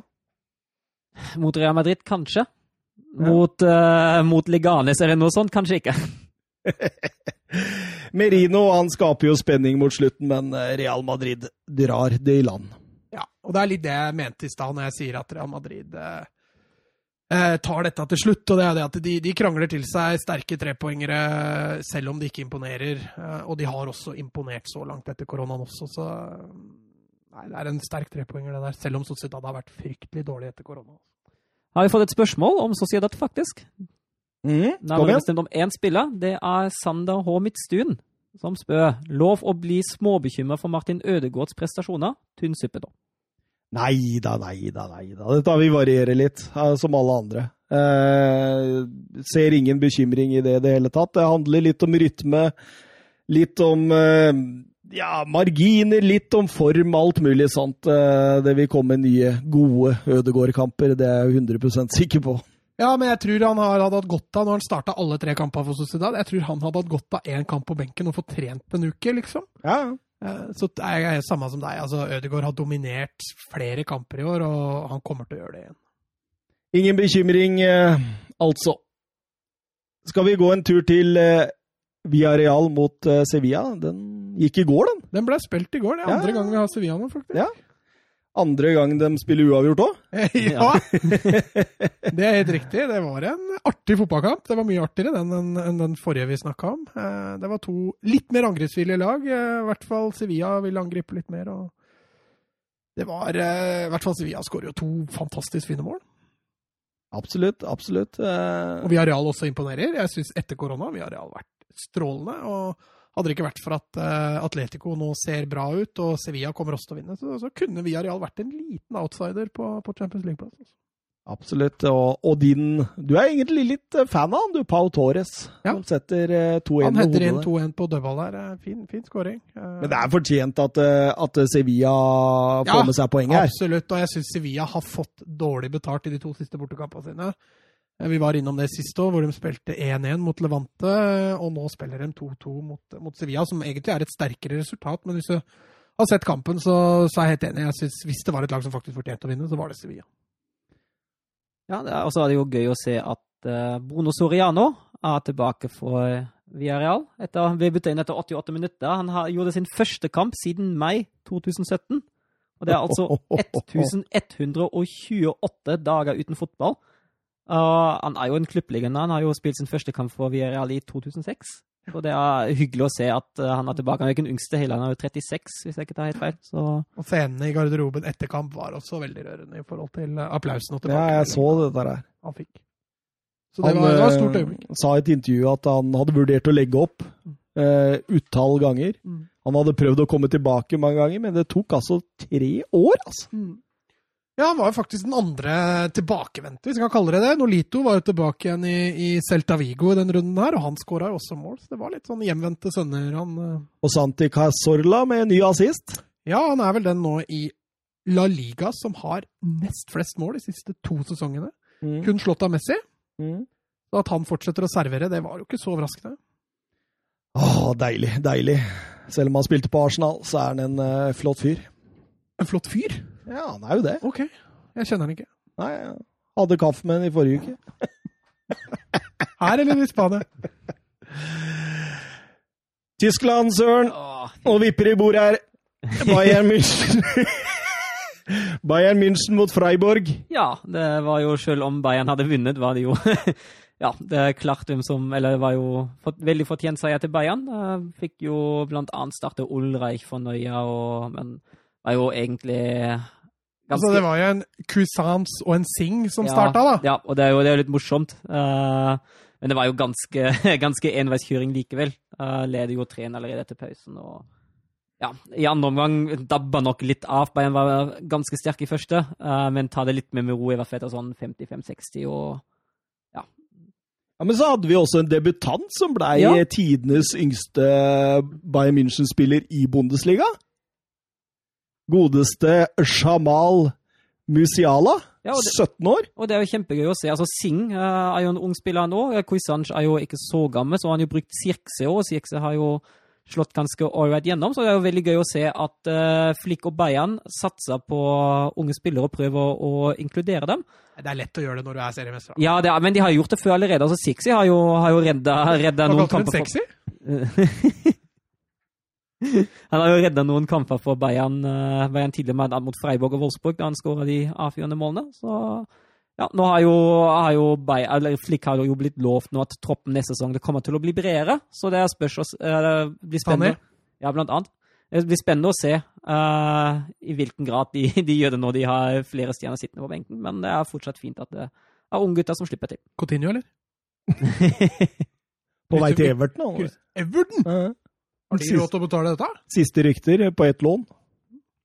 Um, Lewandowski må jo si litt om han. Han klatra jo litt på en liste der. 33 mål nå denne sesongen, det er fryktelig sterkt. Og så er han nå den mest skårende.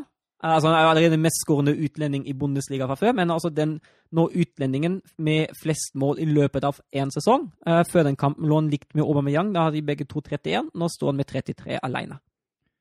Ja, og han, han, ligger jo på femteplass nå eh, på lista over eh, spillere som har skåret flest antall mål i løpet av én sesong. Eh, Åtte mål mot eh, Wolfsburg neste kamp, så er han tidenes eh... Du, han møter, han møter Brooks, så det er ikke så usannsynlig. Men Gert Müller han har tre av de ja. over der. Og den, det er jo den rekorden Gert Müller i sesong 71-72 da han skåra 40 mål i én sesong. Og... Da var det også 34 kamper. Oi, oi, oi, Og det er jo, det er jo, det er jo, det er jo råsterkt. Så det er jo det er den rekorden som blir ansett som ganske så uslåelig i Tyskland. Det, det er så morsomt, fordi hver sesong, når en spiss starter ganske bra, skårer hva vet jeg, åtte-ni de første fem-seks kampene, da diskuteres det i mediene. Opp og ned. Faller rekorden i år? Faller rekorden i år? Den faller jo aldri.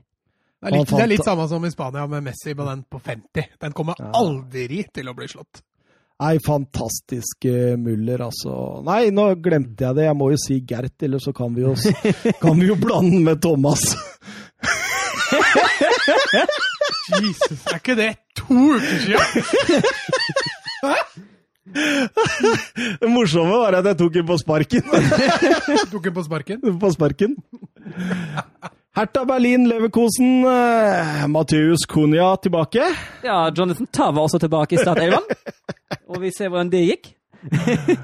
Men, ja, eh, for vi, jeg og deg vi diskuterte jo litt uh, hvem tar den uh, siste Champions League-plassen. Er det Bayer Leverkosen eller er det Borussia München-Gladbach? Og vi endte med at uh, det er Hertha Berlin som er nøkkelen der. Ja, og det ser vi jo nå. Um, Glattbach møter Hertha Berlin neste, og det blir jo spennende å se hva de gjør. Um, jeg syns Leverkosen er klart best de første 15 minuttene i den kampen her.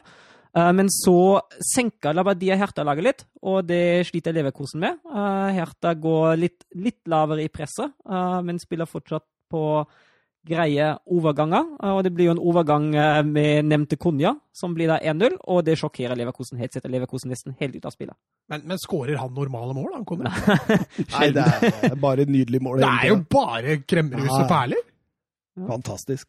Men uh, sjekk Tapsoba i, på 2-0 der, søren! Ja, nei, det Han fortsetter, altså. Ja. Men Lukke Bakio, er det en mye hardt Det var bra gjort av Pjontek. Ja. Han, oh, jeg trodde du skulle si ja, Lukke Bakio der. Ja, både, bra gjort av Lukke Bakio. Både, både, før og etter. altså Både soloen var jo fin. altså, altså Ser ut som at Pjontek virkelig gleder seg over skåringa. Det er litt rart, eller? Ja. Hadde det kommet en nisse inn der, har jeg gjort all jobben, stå på åpent mål. Ballen er på streken! Og så skal Nisse komme og bare tuppe den over! Han tok det fint, da. Han tok det veldig bra. Han gjorde det. Jeg hadde ikke gjort det. Jeg hadde fika til. Mainz hjemme igjen neste lørdag nå. To poeng og dårligere målforskjell opp til uh, Borussia München-Gladbach. Ja, da må Hertha vinne den nå, ellers blir det ikke Champions League for Leverkusen. Og jeg sa jo 55-45 sist. Nå vil jeg jo si at uh, det ligger Altså sjansen er betraktelig større for at Lappart tar den Leverkusen. Men, men, tror du Men, men sa du 55 til Leverkosen? Jeg sa 55 til Leverkosen sist, ja. Okay. ja men nå, altså, ja, det er vingling, men det er én runde igjen, så ja, da, men Alle vingler i dette studioet. Nei, ikke jeg. jo, du sa, Nei, det, du sa Inter skulle bli seriemester. Skryt av å ikke Ja, men det mener jeg da. det er det bredeste gliset jeg har sett for lenge, Søren. Jeg har ikke sett det siden du satt med Barcelona-drakta på fredag. Men tror du, Søren, at eh, Champions League mesterskap, holdt jeg på å si, altså deltakelse for eh, Leverkosen, er med på å avgjøre Havertz framtid, eller tror du det er bare samme? Oh, det er vanskelig å si, men altså, hvis, hvis, Leverkusen skal ha noe sjanse til å beholde ham, tror jeg de nesten må ha Champions League. Jeg tror ikke at Havertz vil spille Europa League. Og altså, De siste ryktene fra Tyskland, fra seriøse medier, sier jo at han ønsker seg bort uansett. Og, men det er jo selvfølgelig spørs er det noen som kan betale den summen Leverkusen tenker seg. Uh, for som nevnt, de sitter med all makt på akkurat den der. Er det derfor eh, Chelsea prøver å hive ut uh, Kanté til Real Madrid, da? For jeg leste jo også sammen. at Havertz ville til Real Madrid, ja. Ja, det, det leses, altså Om Havertz kommer jo en ny melding hver dag. Det, det, er jo umulig å følge med. Altså, Det er ikke noe i det, altså? Jo, det kan godt hende at det er noe i det. Altså, det, altså med, med Havertz har jeg Jeg må innrømme sjøl at jeg har gitt litt opp og filtrere ut det som er sant og det som ja, er spent. Men jeg, jeg blir veldig overraska hvis klubben han spiller for neste år, ikke er Bayer Leverkosen, Chelsea, eh, Bayern München eller eh, Manchester United. Ja, det, ja. Ja, jeg, tror, jeg, tror, ikke på Real Madrid-ryktet. Tror ikke det, for det, Han passer ikke inn i det. Da må de bytte hele systemet, da! Det har Zidane vist på siste kamp at det kan han. ja, men altså Jeg, jeg ser men ikke Men Havert slo gjennom som kantspiller, gjorde han ikke? Ja, kant og sentral offensiv. Han er jo ikke noe kantspiller i en 4-3-3. Nei, nei, ikke det. Han er jo, han er jo best sentralt i barn. Mm. Det er han jo absolutt. Sentralt i barn? I banen. altså, jeg, jeg, tror han hadde vært Hvis han skulle inn på Real Madrid, så tror jeg faktisk han hadde vært best uh, som Benzemas mm. erstatter, faktisk. Men Benzema ser du spiller mye mer dypt nå enn det han noen gang har ja. før. da. Han er mye mer involvert i oppbyggingen. Og, mm. og så har han blitt flink til å trekke seg ut venstre. Nei, nå sporer vi. Paderborn, eh, Borussia München-Glabach. Eh, Paderborn allerede nede. Borussia München-Glabach alt å spille for i forhold til det med Champions League, og det ga jo også utslag. Ja, jeg syns de gjør en veldig bra kamp, uh, selv om det blir, blir jevnt et lite minutt i andre omgang. Ja, det, det, det Hadde de rota bort poeng ja, der, altså. Det, det, er helt sykt. Altså, Glattberg er jo egentlig best fra 1 til 90 her. Det klart beste laget på banen, skaper mest Paderborn særlig sentralt. Uh, du merker at uh, midtbanen ikke helt henger med. Du merker at de sliter litt på stoppeplassen. Da var det Myhre. Hunemeyer, kaptein, blir også utvist etter uh, 65. Så ja, fullt fortjent München-Glattberg seg, som tidvis spiller veldig fin fotball. Jeg syns den, eh, den, til Herman var veldig fin. Da han mista ballen ved motstander 16, og så går han etter og sklir taklene i stolpen. ja, stemmer det. Stemmer det. det var veldig gøy, den. Og jeg eh, Det var flott assist av Benzebaini òg der, på 1-3. Han bare header den eh, rolig inn der. Og, og dette var det Borussia München-Gladbach uten Plea og Turam. Ja. Så eh, ja. Herta i siste. Hva, hva, tror du nå, Søren? Nei, nå tror Altså jeg tror, jeg tror, de tar poeng mot Herta. Jeg trodde også at Leverkosen skulle ta poeng mot Herta. Det, mm. det er litt da, da jeg røyk. Men, men, var det ikke sånn at du trodde Leverkosen, og jeg trodde ja. Borussia München-Gladbach mest på trass fordi du Var det ikke det, Mats, du som har hørt episoden om Men du, du hørte fra der du forlot, var det ikke det du sa til meg? Jo. Jeg tror vi diskuterte det. Men jeg hører jo bare på meg sjøl, så jeg spurte jo over alle de siste minuttene ja, når jeg ikke var der. Da var det dumt å sette den på play når du dro. Tenkte faen, hvor er jeg? Nei, du er ikke som Lampard, 150 IQ! Her går det sakte, altså. RB Leipzig, Borussia Dortmund, Erling Braut Haaland. Oh, oh, oh. Ja, han kommer jo til mange sjanser og utnytter to av dem godt. Um, han kunne hatt hat trick til ja, pause. Han, han burde nesten ha altså, han burde nesten hatt hat trick etter 90 minutter. Um, han hadde vel ikke en eneste avslutning mot uh, Var det Mainz? Nei forrige kamp. Nei, og nå jo... burde han hatt hat trick før pause. så det var... nei, nei, ja, men, ja, altså, Dortmund er jo, tar jo fullstendig over etter Hva skjedde med Leipzig i den kampen? Mm, ja. Hva var med Leipzig? Altså hjemmebanen til Leipzig. Ja, jeg vet ikke. Det Jeg rakna helt, altså. Ja. Jeg skjønner ikke hva det er, men uh, altså, det er jo egentlig et lag som burde være i stand til å møte sånne lag mot Dortmund òg. Uh, ja, men... De hadde jo full kontroll mot Tottenham. Ja.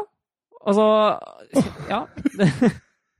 med en hummel i den kampen. Ja, altså, råstjerne. Han var involvert i alt! Ja, han var så strålende. Han var så god. Eh, I det jeg sier han er god på, da, i det offensive. Han ble jo ikke satt på voldsomt mye defensive prøver. Nei, Nei, Man plasserer seg så bra, vet du. Han, han kommer ikke i de situasjonene. Men, eh, men altså, det han gjør før 1-0-målet der òg, det er jo helt enestående. Sender han eh, til Hazard der Videre til Brant 45 ut i Reina, og den silkemyke touchen til Reina ut i Haaland der. Veldig gøy å se at Reina får seg en assist. Det er morsomt. Reina tror jeg tenkte at eh, Jeg tror ikke han var inne på tanken å skyte engang. Nei. Jeg tror han hadde bestemt seg ja, for å spille den til Haaland før han fikk ballen. Og den der, den der uegoistiske, fantastiske fremtoninga til altså, Reina har hørt i intervjuet med han er så ydmyk. Han er så ordentlig, han er så fantastisk. Altså, det, jeg, jeg, jeg, tror Haaland kommer til å dra stor, stor nytte av han hvis han blir i Dortmund i noen sesonger. altså. Mm. Så kommer Bellingham òg, da. Ja, han, det ser jo ut som uh, i Det sto et rykte nå. Uh, neste par dagene så skal de ha signert han for 18 millioner uh, euro. Ja, spennende. Ja, det er strålende. ja, altså klasseforskjell på ja, lagene. Ja, ja. Eh, Dortmund legger seg mer bevisst ned i annen omgang og kontrollerer dette. Men Leipzig skaper jo ingenting. Det er Noen halvsjanser her og da, men det, det, det kommer jo ikke noe stort ut av det. altså. Han Trist avskjed for Werner òg. Han hadde vel én sjanse i første omgang her, ellers var det Så du han var ferdig, eller? Nå har han vel sagt at han ikke vil spille Champions League, eller for han vil komme seg unna? Ja, for han vil fokusere på uh, en ti ny klubb. Og det er, det er, forståelig, for du henger fort etter hvis du skal spille Champions League i august og ikke er med oppgjøring med den nye klubben og skal kjempe om en plass der. Det forstår jo det, selv om det er litt kjedelig for Leipzig, men sånn er det jo. Men han får ikke spilt Nei, Chelsea er jo så å si ute, da. Han får ikke spilt eh, for Chelsea heller? Nei, det går jo ikke. Eller ikke de ta igjen 4-0 eller noe? Jo, jo, de har 3-0, tapte vel 3-0 på Stamford Bridge mot Bayern. Han hadde vel ikke fått spilt der uansett? Nei, men Hvis han går til Chelsea, da? Ja, men han hadde jo ikke fått spilt. Ja, men Hvis du spiller for én klubb i gruppespillet med lovgang sånn som Haaland gjorde, ja. så får du spille for Dortmund i sluttspillet. Ja, men han har jo spilt for Leipzig i sluttspillet. Ja, men nå ble jo alt forskjøvet. Ja, det blir jo spennende å se hva Fifa finner, Ja, ja, ja. kan finne på der. Kan jo hende at det må gå an. Ja, det Ja, men så, godt hende. med tanke på at Nei, det er jo selvfølgelig registrering i februar. Men, men hvis du Ja. tenker, Nei, du tenker men, altså, Sånn rent logisk er jo spillere som transfereres før det kontrakter går jo ut, og så har du plutselig bare lov å bruke 15 spillere av 25 du egentlig har meldt. Hvis du, hvis du mister 10 spillere i Ja, sånn overgangsvinduet. sett, ja. ja. Så det Ja. Sånn Altså, som for eksempel Chelsea. da. Vi, De har jo en seks-sju mann på utgående kontrakt. Og så skal de ikke kunne bruke de, og så har de ikke, fått, altså kan de, har de ikke lov å bruke Ja, de men det, spillerne det, det kommer sikkert til å bli noe særtiltak og noe greier. ja, det kan godt hende, men i utgangspunktet så sender du jo inn Ja. registreringa di i februar før. Ja. Og du kan ikke legge på spillere etter det. Nei, Så egentlig får du ikke spille. nei, absolutt ikke. Ja, vi har fått noen spørsmål om uh, Dortmund og Leipzig. Vi kan starte med Leipzig, uh, av Glenn Weber. Timo Werner I, var X-faktoren i RB Leipzig. Nå står de i praksis igjen med middelmådigheter på topp. Poulsen, Schick. Er det mulig for dem å erstatte Werner, eller vil RB Leipzig falle litt igjen som et resultat av Werner-overgangen? Jeg, jeg syns det er et veldig godt spørsmål. Fordi eh, jeg så det tidligere i dag, og så tenkte jeg han har jo helt rett. Patrick Schick, Josef Paulsen Det er jo ikke Daniel Olmo, da. Eh, Ja, men han er jo Han er ikke noe Werner, Altså, og, og, og en sånn spiller som Timo Werner, som er liksom på en måte så Altså han kan, Du kan identifisere han med spillestilen til Altså, det er ikke så mange av den typen, da. Nei, altså det, det er tre spillere som det, som det oppstår rykter rundt i Leipzig nå. Uh, det er uh, Bremens Rashica. Eh, det er han er ikke noe Werner, han heller. Nei, jeg kan, jeg, kan, jeg, kan, jeg kan gå litt inn på det etterpå. Um, det er Wang, som spiller i Abbey Salzburg. En sånn uh, spisstype med ni mål og ti assist på 23 seriekamper.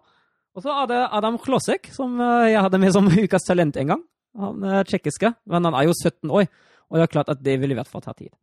ja, du kan ikke erstatte Timo Werner når du er 17 år. Ja. Nei, um, og det som det blir det mest sannsynlige som det ser ut nå, det er Bremens uh, Rashica. Men han har vi Ja, snakka ja, litt om før. spiller, jeg har ikke noe med det, men han er ikke en Werner. er? Nei, de, altså, de, de ligner hverandre, for de, de er begge to fleksible. Uh, begge to brukes mest enten sentralt eller på venstre ving. Begge to er kjappe, har god dribling, uh, men Werner er en betraktelig bedre avslutter. Uh, mens Rashica han er litt bedre på Jeg Det er litt bedre feilvendt òg, er det ikke det? Werner Ja. er mer rett fram-spiller. Gjennombrudd, ja. Ja. Det er det jeg tenker på. Rashica er litt mer sånn mellomromsspiller. Mm. Ja, og han, han går litt mindre inn i boksen i Bremen enn Leipzig gjør i uh, Leipzig gjør i Nei, Werner gjør i Leipzig. Uh, det er jo både fordi Werner spiller for et bedre lag, men også fordi det er en annen spillertype. Um, og altså, Rashica, han er han er dribbelsterk, han, er- han har god fysikk, og han har en god førstetouch. Og så er han jo som sagt fleksibel. Og så er han litt sånn Valgene han tar innimellom, de, da kan det være mye, mye sur. Og så har han hatt en helt forferdelig vår. Uh, ryktes jo, Han satt jo bare på benken mot Mainz nå, og det ryktes jo om at han uh, ikke takla nedrykksstriden helt mentalt. Uh, og eller at han kanskje allerede med tankene er i en ny klubb. Og- Vi har snakka han opp, han er bra. ja, han er bra. Altså, jeg tenker jo, altså, hvis du vil ha en Altså, er det jo Leipzigs filosofi.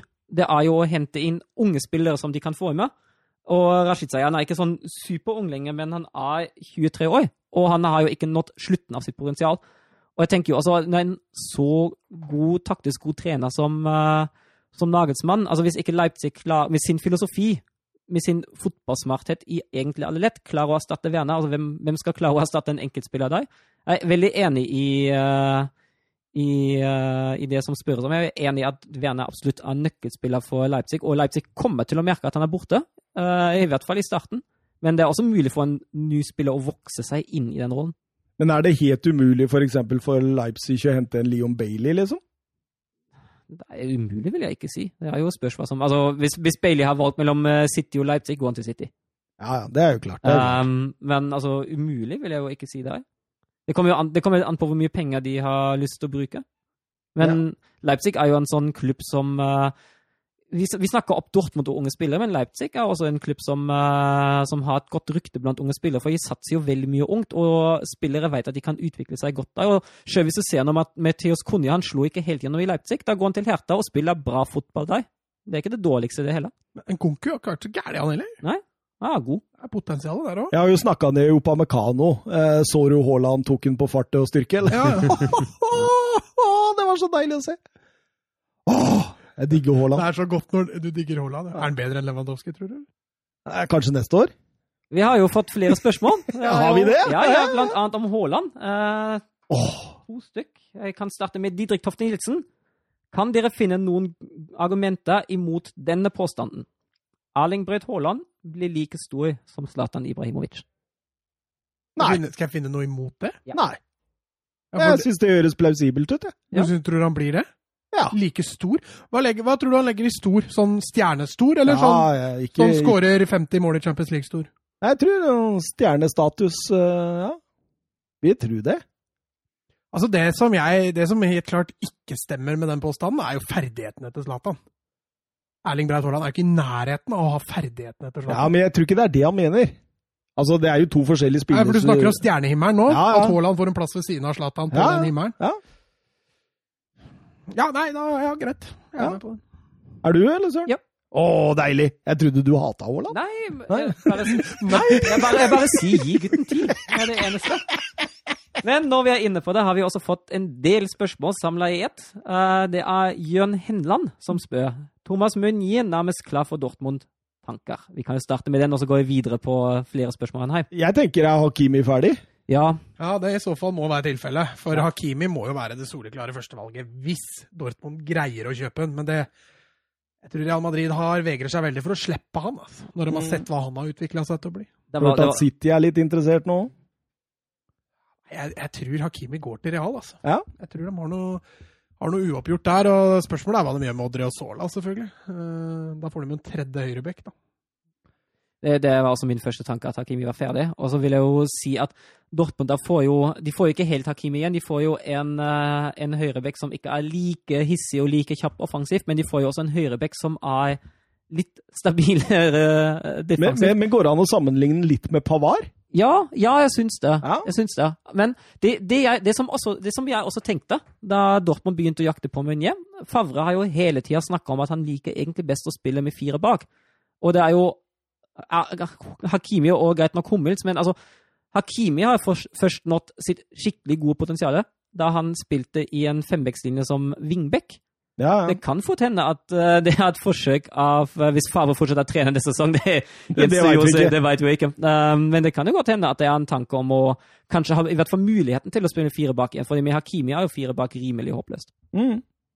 Så, ja. Passer bedre enn firer. ja, det er jeg enig i. Ja. Og Guerrero, Guerrero kan spille både fire og femmer. Han er, han er ferdighetene nok til begge deler, så det går greit nok.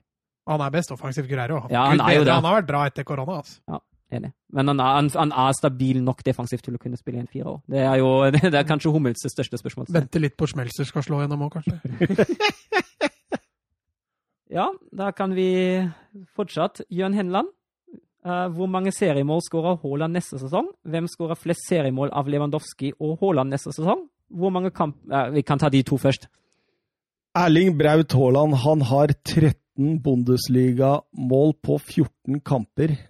Altså 10 starter har han. Eh, totalt for Borussia Dortmund og Red Bull Salzburg, på 27 starter, har han 44 goal og 10 assist. Det er galskap, det han driver med. Det er fullstendig galskap. Og hvis han fortsetter sånn som dette her, hvis dette her er malen på Haaland, så kan han runde 30 neste år. Men det du ser som er Haaland sitt lille aber, er fysikken hans, for han er litt skada. Han har vært gjennom var det tre skadeperioder bare i Dortmund, riktignok korte avbrekk. Men hvis han hele tiden må stå over én og to kamper pga. småskader, så vil den, de antall måla reduseres fort i halvparten. Altså. Mm. Eh, Så gitt at han spiller 30 pluss kamper neste år, er ikke utenkelig at Haaland kan krype opp mot 30, nei. Og da tar han Lewandowski, eller ikke? Nei. Nei. Ja, jeg, tror- jeg tror ikke han tar Lewandowski heller. Så synes jeg det, det er jo litt vanskelig, som vi snakker om uh, Vi vet ikke hva som skjer med Favre, vi vet ikke hvem som trener Dortmund neste sesong. Vi vet ikke hvilket lag Dortmund har, fordi Dortmund er jo mye mer sannsynlig til å bli til å måtte selge noen spillere, type miste Hakimi, selge Sancho og sånn. Eh, Og Haaland er jo en spiller som er avhengig av i hvert fall få noen assister. Så lenge han har Julian Brandt, så ordner det seg. Ja, og Reina får et par kamper til. Men uh, jeg, jeg syns det er vanskelig å Kommer Bellingham og Ja, Marco Rås. Men jeg synes det er Marco Rås. Marco, Marco Rås. Marco kommer! Men jeg syns, det er vanskelig å spå noe uh, før vi i hvert fall ser litt mer konturene av hva som skjer i Dortmund nå etter sesongen. Det, jeg har lyst til å vente litt med det, men Lewandowski er trygg på å skåre 30 pluss neste sesong òg. Det, det, det vil ligge ett styr rundt 30. Haal- Haaland, hvis, hvis, hvis jeg må ta utgangspunkt i nåværende sesong, 25-30 vil jeg si på Haaland. Tenk Jarl Åge Fjørtoft i Viasa studio, da. Ja, det blir slitsomt. Det blir fryktelig slitsomt. ja, ikke bare det, tenk på kommentatoren. Du tenker på Sunne? Jeg tenker på Synne. Ja, du er glad i han. Eh, Skal vi Eller var det flere, flere spørsmål? var det spørsmål. Ja, det var spørsmål? et spørsmål til. Uh, hvor mange kamper står Alexander Nybel totalt neste sesong i alle turneringer? Hva er det siste spørsmålet til Jørn Henland? Tre. Tre. Totalt? Ja. Jeg tipper Noyer får en skade, Oi. så jeg tipper han havner på et sted mellom 11 og 12. Så 11,5 da. Ja. Ja, jeg vil jo si at jeg som du sier, stort avhengig av skader, for når jeg har fornyet kontrakten, og når jeg har vært veldig lite interessert i å gi fra seg noen som helst kamper. Eh, det kan jo hende eh, at klubben og han har blitt enige om et eller annet. I så fall hadde ikke rykta, blitt rykta noe til mediene. Eh, jeg har litt vanskeligheter med å se det for meg, egentlig. Eh, så Da blir det jo til at hvis Bayern vinner seriegull tidlig, eh, da kan jo hende at Nybel får de kampene som Ulreich får nå. Og ellers bare ha et antall, Søren. Ja, det er Mange kamper står han. Seks. Det er ikke rart i dette har blitt tre timer, vet du. Nei, Nei, men altså, Det er altså greit, det er det sykkelturen neste år, da. Hva da? Hvem kommer nærmest eh, antall kamper som Det er to som vil sykle. Er du? Han som kommer nærmest, han slipper å sykle. Ja, men altså ah, Jeg kan ikke, jeg kan ikke Det er begynne på deilig, ny ass. Kommer han bare over ti, da, så vinner jeg. Det hadde vært nice. Men, men jeg tenker jo det at eh, Og vi var jo inne på det i forrige episode, at Nybel kan jo ha gjort tidenes bomvalg. Mm. Ja, Vi snakka jo om det for et par episoder siden. Ja, vi gjorde det. Schalke Wolfsburg, Søren, den har du gleda deg til? Ja, den har jeg gledet meg til, og den ble jo jeg, jeg, jeg, egentlig, jeg sliter egentlig litt med de kampene hvor man absolutt må vinne, men den var jo veldig grei. Eh, Det skyldes jo altså det skyldes på én side at Wolfsburg spilte en helt ålreit fotballkamp, og på en annen side at Schalke bare er så Hva skjedde der, da? Den var jo bra forrige kamp, Schalke. Plutselig bare ja, fryktelig, ned. altså fryktelig dårlig, det der. Uh, Det var jo Brooks dominerte jo fullstendig bak der. Ja, faktisk. Han, var- han spilte jo en ganske OK kamp der. Uh, overraskende nok. Han bare ble parkert én eller to ganger. Det, Han blei bare parkert én eller to ganger. Det var helt sykt. Uh, nei, altså, jeg syns jo Wolfsburg er jevnt over det beste laget. Det er deilig å se uh, Renato Steffen og Josip Brekkalo i form igjen. Uh, men så er det jo fryktelig enkle baklengsmål som Schalke slipper inn. Ravi Matondo? ja, herregud. Fin, den òg. Men jeg, jeg syns Wolfsburg har blitt så mye bedre etter at Daniel Ginczek kom tilbake Ja, i laget. Ja, jeg er enig òg. Det For det ser ut som han brøyter litt vei for Vegårs. At han liksom på en måte tar den plassen som gjør at Vegårs får den lille ekstra centimeteren her og der. Ja, ja altså, han jo, altså er jo Ginchek sjøl maks uheldig. Han fikk jo to mål avblåst av hver mot Freiburg. Og mot Schalke blåser han jo én over tverlingene alene gjennom etter sju minutter. Og så setter han en i stolpen som om Babo setter returen på. Ja, det, er, det er ikke den mest grasiøse, elegante, herlige goalgetteren, det der. Men uh, Men han gjør jobben. Ja, han gjør det. Han Ja, han- brøyter, han tar Og- mye oppmerksomhet. Og det som er jo greia med Ginczek, er han, eh, det er jo en spiller som har slitt ufattelig mye med skader. Og det er virkelig seriøse skader, ikke bare sånne små avbrekk som Haaland har jo gått glipp av hele og halve sesonger uh, i alle klubbene. Og det er litt synd, fordi han hadde egentlig skikkelig uh, stort potensial. Eh, det er en spiller, Hvis han hadde blitt skadefritt, kunne vi faktisk ha snakka landslagspotensial i Tyskland. Ikke Oi, som, oi, første førstelagsspiller, men i hvert fall sånn som blant de Kom 23 inn og utvalgte. snur kampen, eh. Ja, men, sånn, eh, Nå skal det brøytes og kjempes. Det blir jo vanskelig når man, når man alltid går glipp av uh, Tysklands svar på Bjørn Mars Johnsen. Å, nei. Å. Et stykke. Det er, det er en til du liker godt, Søren. Ja, Mars Johnsen, herregud. Å, Søren, og hvordan er det å leve et liv med så mye hat i seg? Jeg hater ingen. Jeg bare er veldig kritisk av meg. Åh, men du er glad, da. Du er glad for Wolfsburg. Ja, nå blir det jo Europa. Det er bare å spørs om det blir Aserbajdsjan eller ikke. Ja, når du fordi- sier Aserbajdsjan, så er det sjuendeplassen. Det er helt riktig. Da blir det en lang kvalik. Og den kvaliken begynner vel om to uker, tror jeg, eller noe sånt. Ja, nesten. Um, og den, den, kan man jo gjerne spare seg for. Så er det jo neste kamp Wolfsburg spiller mot Bayern, og Hoffenheim spiller mot Dortmund. Og Hoffenheim ligger av poeng med mye dårligere målforskjell. Serie A, Atalanta Sassolo. Jeg blir så imponert over Atalanta og Gasperini. Altså, jeg 74 mål på 26 kamper. Kvartfinale i Champions League. Det går mot ny deltakelse i Champions League. Det er et budsjett! Altså, et mid-table championship-lag kan klare å konkurrere mot. Altså, vi snakker Altså, hør her nå. Zapata 12 millioner euro. Golini 3,8 millioner euro. Kastanje 6,5 millioner euro. Palomino 4,5 millioner euro.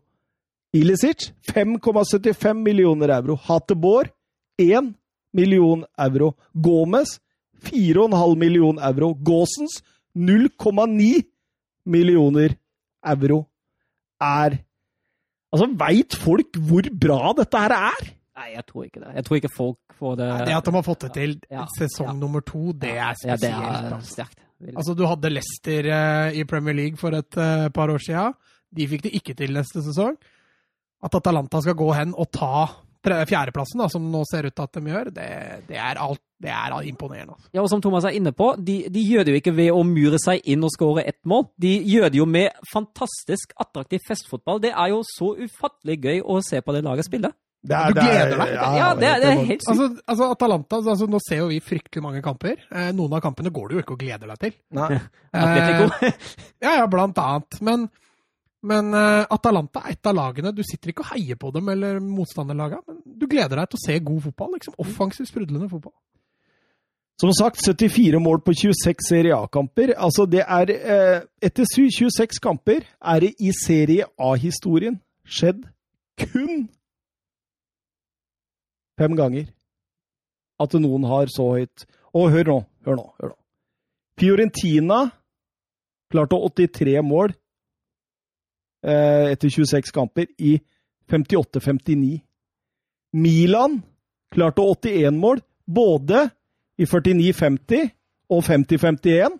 Torino klarte 77 mål i 47-48, og Juventus klarte 75 mål i 50-51. Og da snakker vi en tid der VM-kamper slutta 7-5 og 7-2 og hele pakka. sant, så. Altså, det er jo en helt annen fotballtid. Det var jo mye mer angrepsspill og mye dårlig forsvarsspill på den tida. Zapata er, det er så deilig. Ilicic han spilte ikke denne kampen, men Gomez Gåsens var kjempebra mot ja, Sassuolo. Gåsens er jo helt Ja, Han må enorm. inn i det atlantiske landslaget nå. Så det, Nei, ta Nederland, han. Nei, hyll, hyll, hyll Gasperino og Atlanta. Vi går videre til Conte og Inter, som eh, tok imot Sampdoria. ja, og hvis du ser, altså hvis vi snakker om nydelig angrepsfotball, da var de to målene til Inter ikke noe, ikke noe Altså, dårligere. første halvtime Ja. til Inter der, Ja. fytterakkeren. Det var strålende. For et spill. Og Christian Eriksen, det er det beste jeg har sett Ja, på mange sesonger. Ja, det var noe helt annet, altså. Han trengte en koronapause. Ja, men, altså, men, men se på utgangsposisjonen til Eriksen her nå, kontra det han har hatt tidligere i Inter. Så er det jo sånn Altså, han har jo nesten spilt en flat femmer, altså, eller liksom på en måte, altså at den treeren da, sentralt på midten, at den har vært ganske flat. Det har ikke vært noen klassiske indreløpere. Men nå har flytta han liksom på en måte Eriksen i, mellomrommet Opp i bak der, ja, og, og slapp Lautoro Martinez mer fram. Mm. Men eh, det der, der skal du ikke kimse av, skjønner du, med Lukaku, Martinez, Eriksen. Da så det faktisk ekstremt bra ut, altså. I, ikke, altså i første omgang, da. Ja, i første omgang. Ja. Ja, for annen omgang er jo et Ja, ja, ja. eh, blaff, egentlig. Ja. Thorsby skårer. ja, det er verdt å nevne. Og Og det blei jo spenning, faktisk. Og så får vi Kristoffer Aslaksen sin debut. Stemmer. Askildsen, ja. Askildsen, ja. Mm. ja. Men eh, målet til eh, Lautaro Martinez, da? Ja, vi nevnte det. det. Vakkert angrepsspill. Wow, det, ja, men det er ikke bare bare Ja, det- det, det er avslutninga òg. Ja, til Martinez. Han skårer jo på åpent mål, jo. Du tenker på 1-0, du. Du tenker Jeg på tenker på Lukaku? ja, Nei, gjør jeg ikke det? Ah, her blander jeg målet igjen nå. Altså, nå, altså Skåringa til Martinez er jo Lukaku går ut bredt, spiller inn til Kandreva, som trer han gjennom to stoppere til Martinez, som står aleine på bakerste. Stemmer det, stemmer det. Og stemmer så det. skåringa til Lukaku er veggspill med Ja, Eriksen, og under keeperen er nesten litt svakt keeperspill. Han Ja, bruker fryktelig lang tid på å komme ned. Og så har du. Thorsby, da, som skårer på retur på dødball. Kanskje på Dybala mot, uh, Ja, mot Dybala Polonia. tenker du Jeg tenker på Dybala. Ja. Jeg blanda de to. Helt riktig. Det er godt uh, dere er med meg. Sett mye mål, vet du. Men uh, ja. Eh, de dreper jo egentlig kampen på kontervis, syns jeg. Ja, da, jeg syns jo de har kontroll. Selv om jeg sa det ble litt spenning, så var jo det pga. resultatet. Jeg følte liksom ikke at Inter var spesielt trua. De var ikke det. Eh, Milan Lecce, eller Lecce Milan, for det var Milan som var på bortebane. Er Zlatan ferdig? Nei, han er vel ikke det enda. Han satt, eh, satt nå på tribunen og kikka på med sånn maske og hele pakka. Ja. Så han skal ikke være det. Eh, Sist gang Milan var på besøk på Via del Mar, var eh, Nesta midtstopper. Mark van Bommelen styrte midtbanen, og Robinho skuffet nok en gang på venstrekanten. og Zlatan og Casano danna spissparet. Og det er en stund siden, med andre ord. Ja, det er det. Eh, vant da den kampen. Eh, var ikke noe dårligere denne gangen.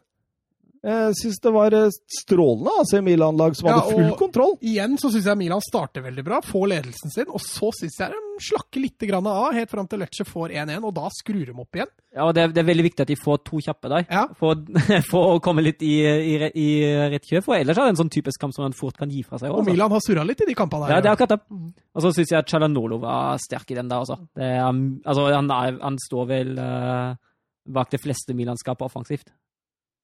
Ja, når til og med Rafael Leao header inn eh, 1-4 på slutten der, så er det jo en grei dag på jobb for Piolis menn. Simon Kjær ser jo endelig ut som en, en fotballspiller igjen nå. Milan opp på sjuende. Ja, de ligger på Europa. De er vel utestengt et par år til, er de ikke det? Jo, det er vel kanskje Gattuso han har fått litt dreisen, han, har han ikke det? Ja, han er jo Napoli, da. Nei, nei Pioli, mener jeg. Ja, og, men det har vi snakka om. Prega varmen her, Mats. Nå har vi snakka om det lenge, da. Ja. Pioli har sett, det har sett bra ut, men de har mangla litt resultater. Når, hvis dette løsner for Milan, det er klart eh, de kan klatre både én og to plasser til. Dem. Åh. Hadde du noe å si, Søren? Nei. Nei. Bologna-Juventus, vår siste kamp eh, for dagen. Eh, Ronaldo Når du sendte kampene, tenkte jeg faen, jøss, tar du ikke med Lazio? Jeg tenkte, Hva er det for noe? Ja, det Og er så bare gikk jeg og venta hele helga på Lazio, og så bare nei, faen, det var jo ikke spilt. Nei, jeg, jeg, når jeg sender dere den, eh, så, så er jeg ganske nøye igjennom for å se hva, vi skal, eh, hva dere skal forberede dere på. Og det, det, den siste kampen dere skulle forberede dere på, det var jo Ronaldo og Juventus, eh, som gikk på en liten blemme i, i midtuka. Jeg tenker på cupfinalen. Ja, De eh, røyk der. Eh, Napoli og, og Gattusso tok sin første av det som kommer til å bli veldig mange trofeer, tror jeg. Eh, men Juventus de reiste kjerringa, dominerte jo første omgang ganske kraftig. Ronaldo bomma jo på straffe i finalen, og nå scora han. Han blir som en- han Ronaldo han er som en, en deilig vin. Han blir bare bedre og bedre med alderen. Du ser, ja, altså Han er ikke Real Madrid, men han har bedre snitt nå enn han hadde i første sesongen sin i Juventus. Fordi eh, da hadde han 21 mål på 31 Serie A-kamper. Nå er han allerede oppe i 22. Åtte av dem på straffe, tror jeg, da. For å, for å, Ja, han har jo tatt en del straffer. Det er vel lille den der Messi-fansens greie òg, at han har tatt voldsomt mye straffer i La Liga. Men det er lov for å skåre på straffe. Det Det er er det. det. Ja, det er det. Kane ble toppskårer i VM han på straffer. Var det ikke halvparten eller noe sånt av disse seksa i VM i Russland? Eh, 0-2, det var den jeg var innom i stad, som jeg perla Dybala. Ja, og ikke, bare av Dybala, for så Benadeski, som har noen herlige Ah, halvflik det var den Altså. beste kampen jeg har sett han spille, men da var han ut høyre og ikke i den der eh, mellomrommet. Da. Nei, Han får liksom litt mer innoverrolle når han spiller kant. Det passer han helt klart bedre. Han hadde vel en skutt, et i stolpen mot i andre omgang der òg. Ja. Ja. De hadde full kontroll i Juventus her, altså. Det var klasseforskjell mellom lagene. Og det har vel gått 419 minutter siden sist nå.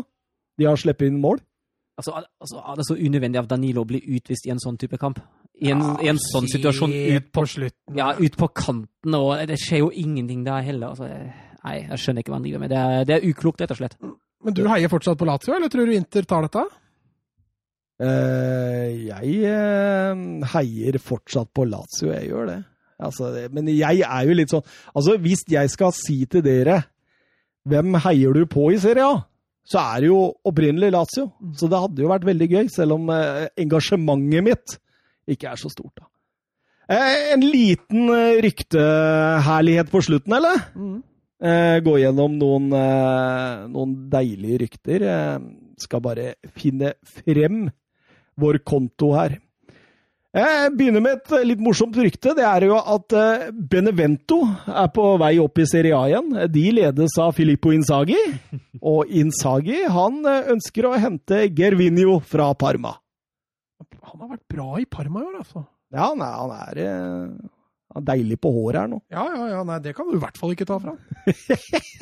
Der er det mer panne enn det er huet, altså. Det er ikke mange som har så høyt hårfeste som det han har. Nei, det er, det Det er er han og. Sadio Mané som uh... Men er ikke det sånn typisk ålreit spiller hvis du rykker opp, og så skal du holde deg fordi det er en sånn veldig sterk kontringsspiller med fart?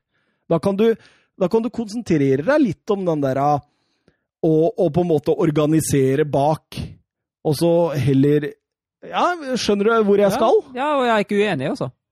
Tror den eh, Den sitter inne, jeg, altså. Eh, Beppe Marotta melder at han er optimistisk på å beholde Lautaro Martinez i Inter. Han tror ikke Barcelona vil benytte seg av klausulen han har på 111 millioner euro. Den må de betale om de skal ha han, og i så fall vil Inter jakte Aubameyang som erstatter. Ja, det har vi vel eh, har vi, Det var to uker siden vi snakka om det og kom til den samme konklusjonen at uh, Ja, Thomas sa vel at han trodde ikke Inter kom til, eller at han kom til å spille Inter et år til. Ja. Nei, altså jeg tror ikke Barca henter han. Eh, Da må det i så fall bli United eller noen andre som henter Martinez, hvis han skal gå noe sted, tror jeg. Du tror det? Mm. Mm. Ja, det tror jeg ikke skjer. Og så er det denne Jude Bellingham, da, mm. som Søren Glise her. Ja, dette fantastiske engelske talentet som ser ut til å velge Dortmund istedenfor Manchester United. Eh, ifølge eh, engelske medier så eh, kommer han til å bli presentert som Dortmund-spiller i løpet av de nærmeste dagene.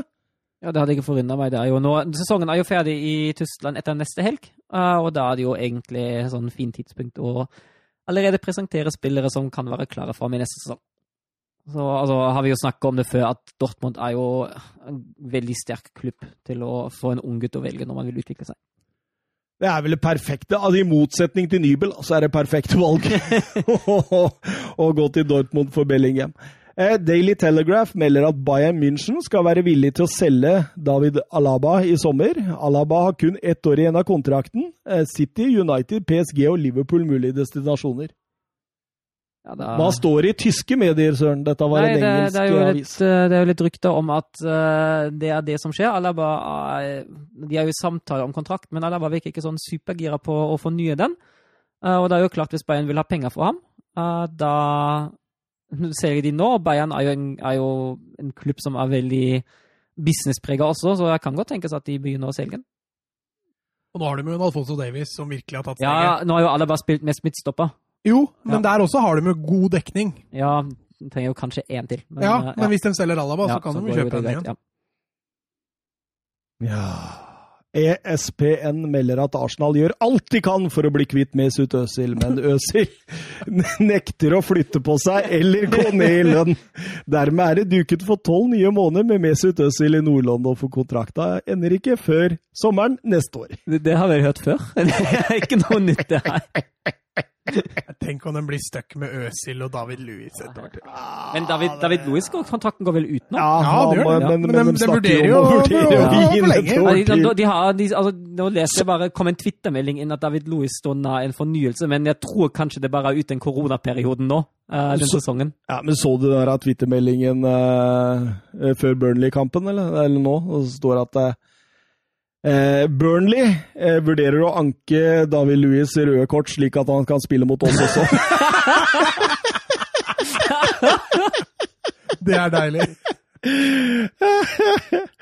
Eh, Sunday Telegraph melder at Jonathan David, som har nettet eh, 18 mål på 27 kamper for Gent denne sesongen, er på blokka til Arsenal. Han kan bli erstatteren om de mister Aubameyang eller Lacassette.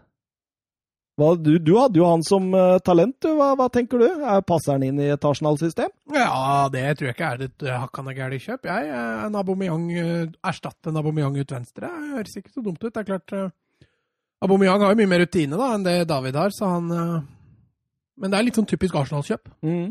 I hvert fall under Wenger-tida. Ja, altså, som har bra potensial, og som kommer til å floppe, da. Der mista vi de to av Arsenal-supportere vi har igjen. Det er deilig.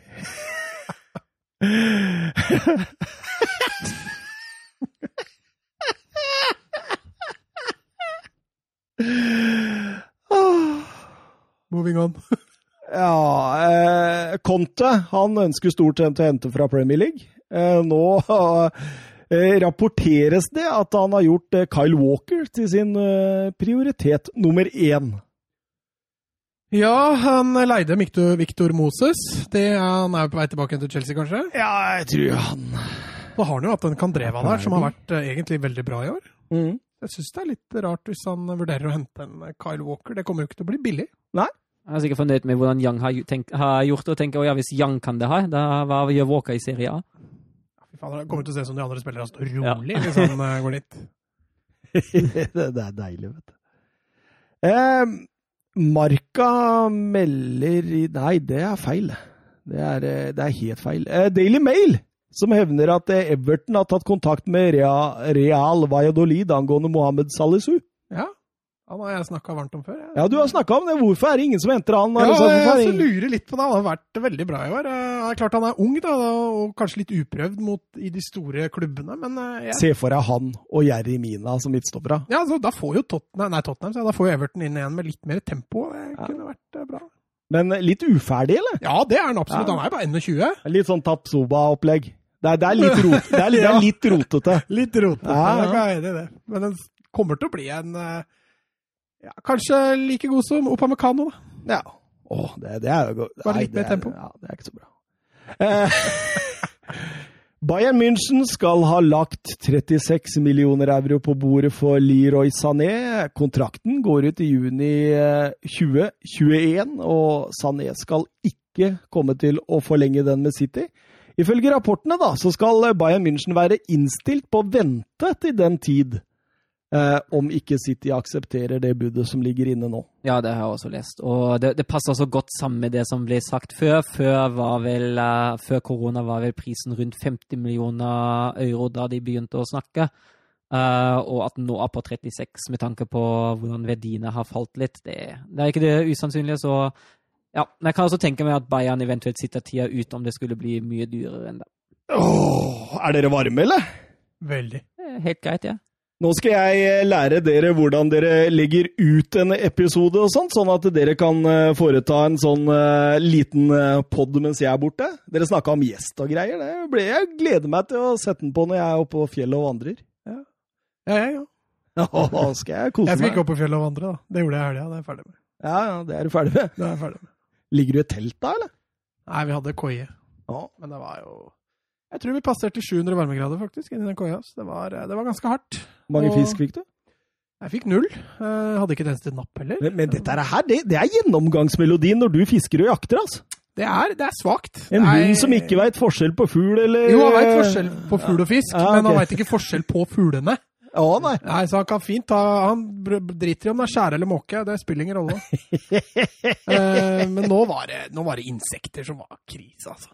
Ja. Fy fader, det eksploderte oppå der. Og det var jo knott i huet og ræva. Altså.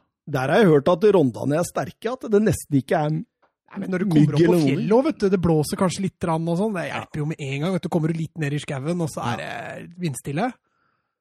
Uff, deilig. Deilig. To timer og to minutter. Det var ikke så gærent, dette, det greit, alle ligaene. Ja. Skal vi bare si oss eh, ferdig, eller? Ja. Så kan dere komme hit, og så skal jeg vise dere hvordan dere legger ut en episode. Ja, notatboka med meg. ja. Skal vi si ha det bra? Ha det. Ha det.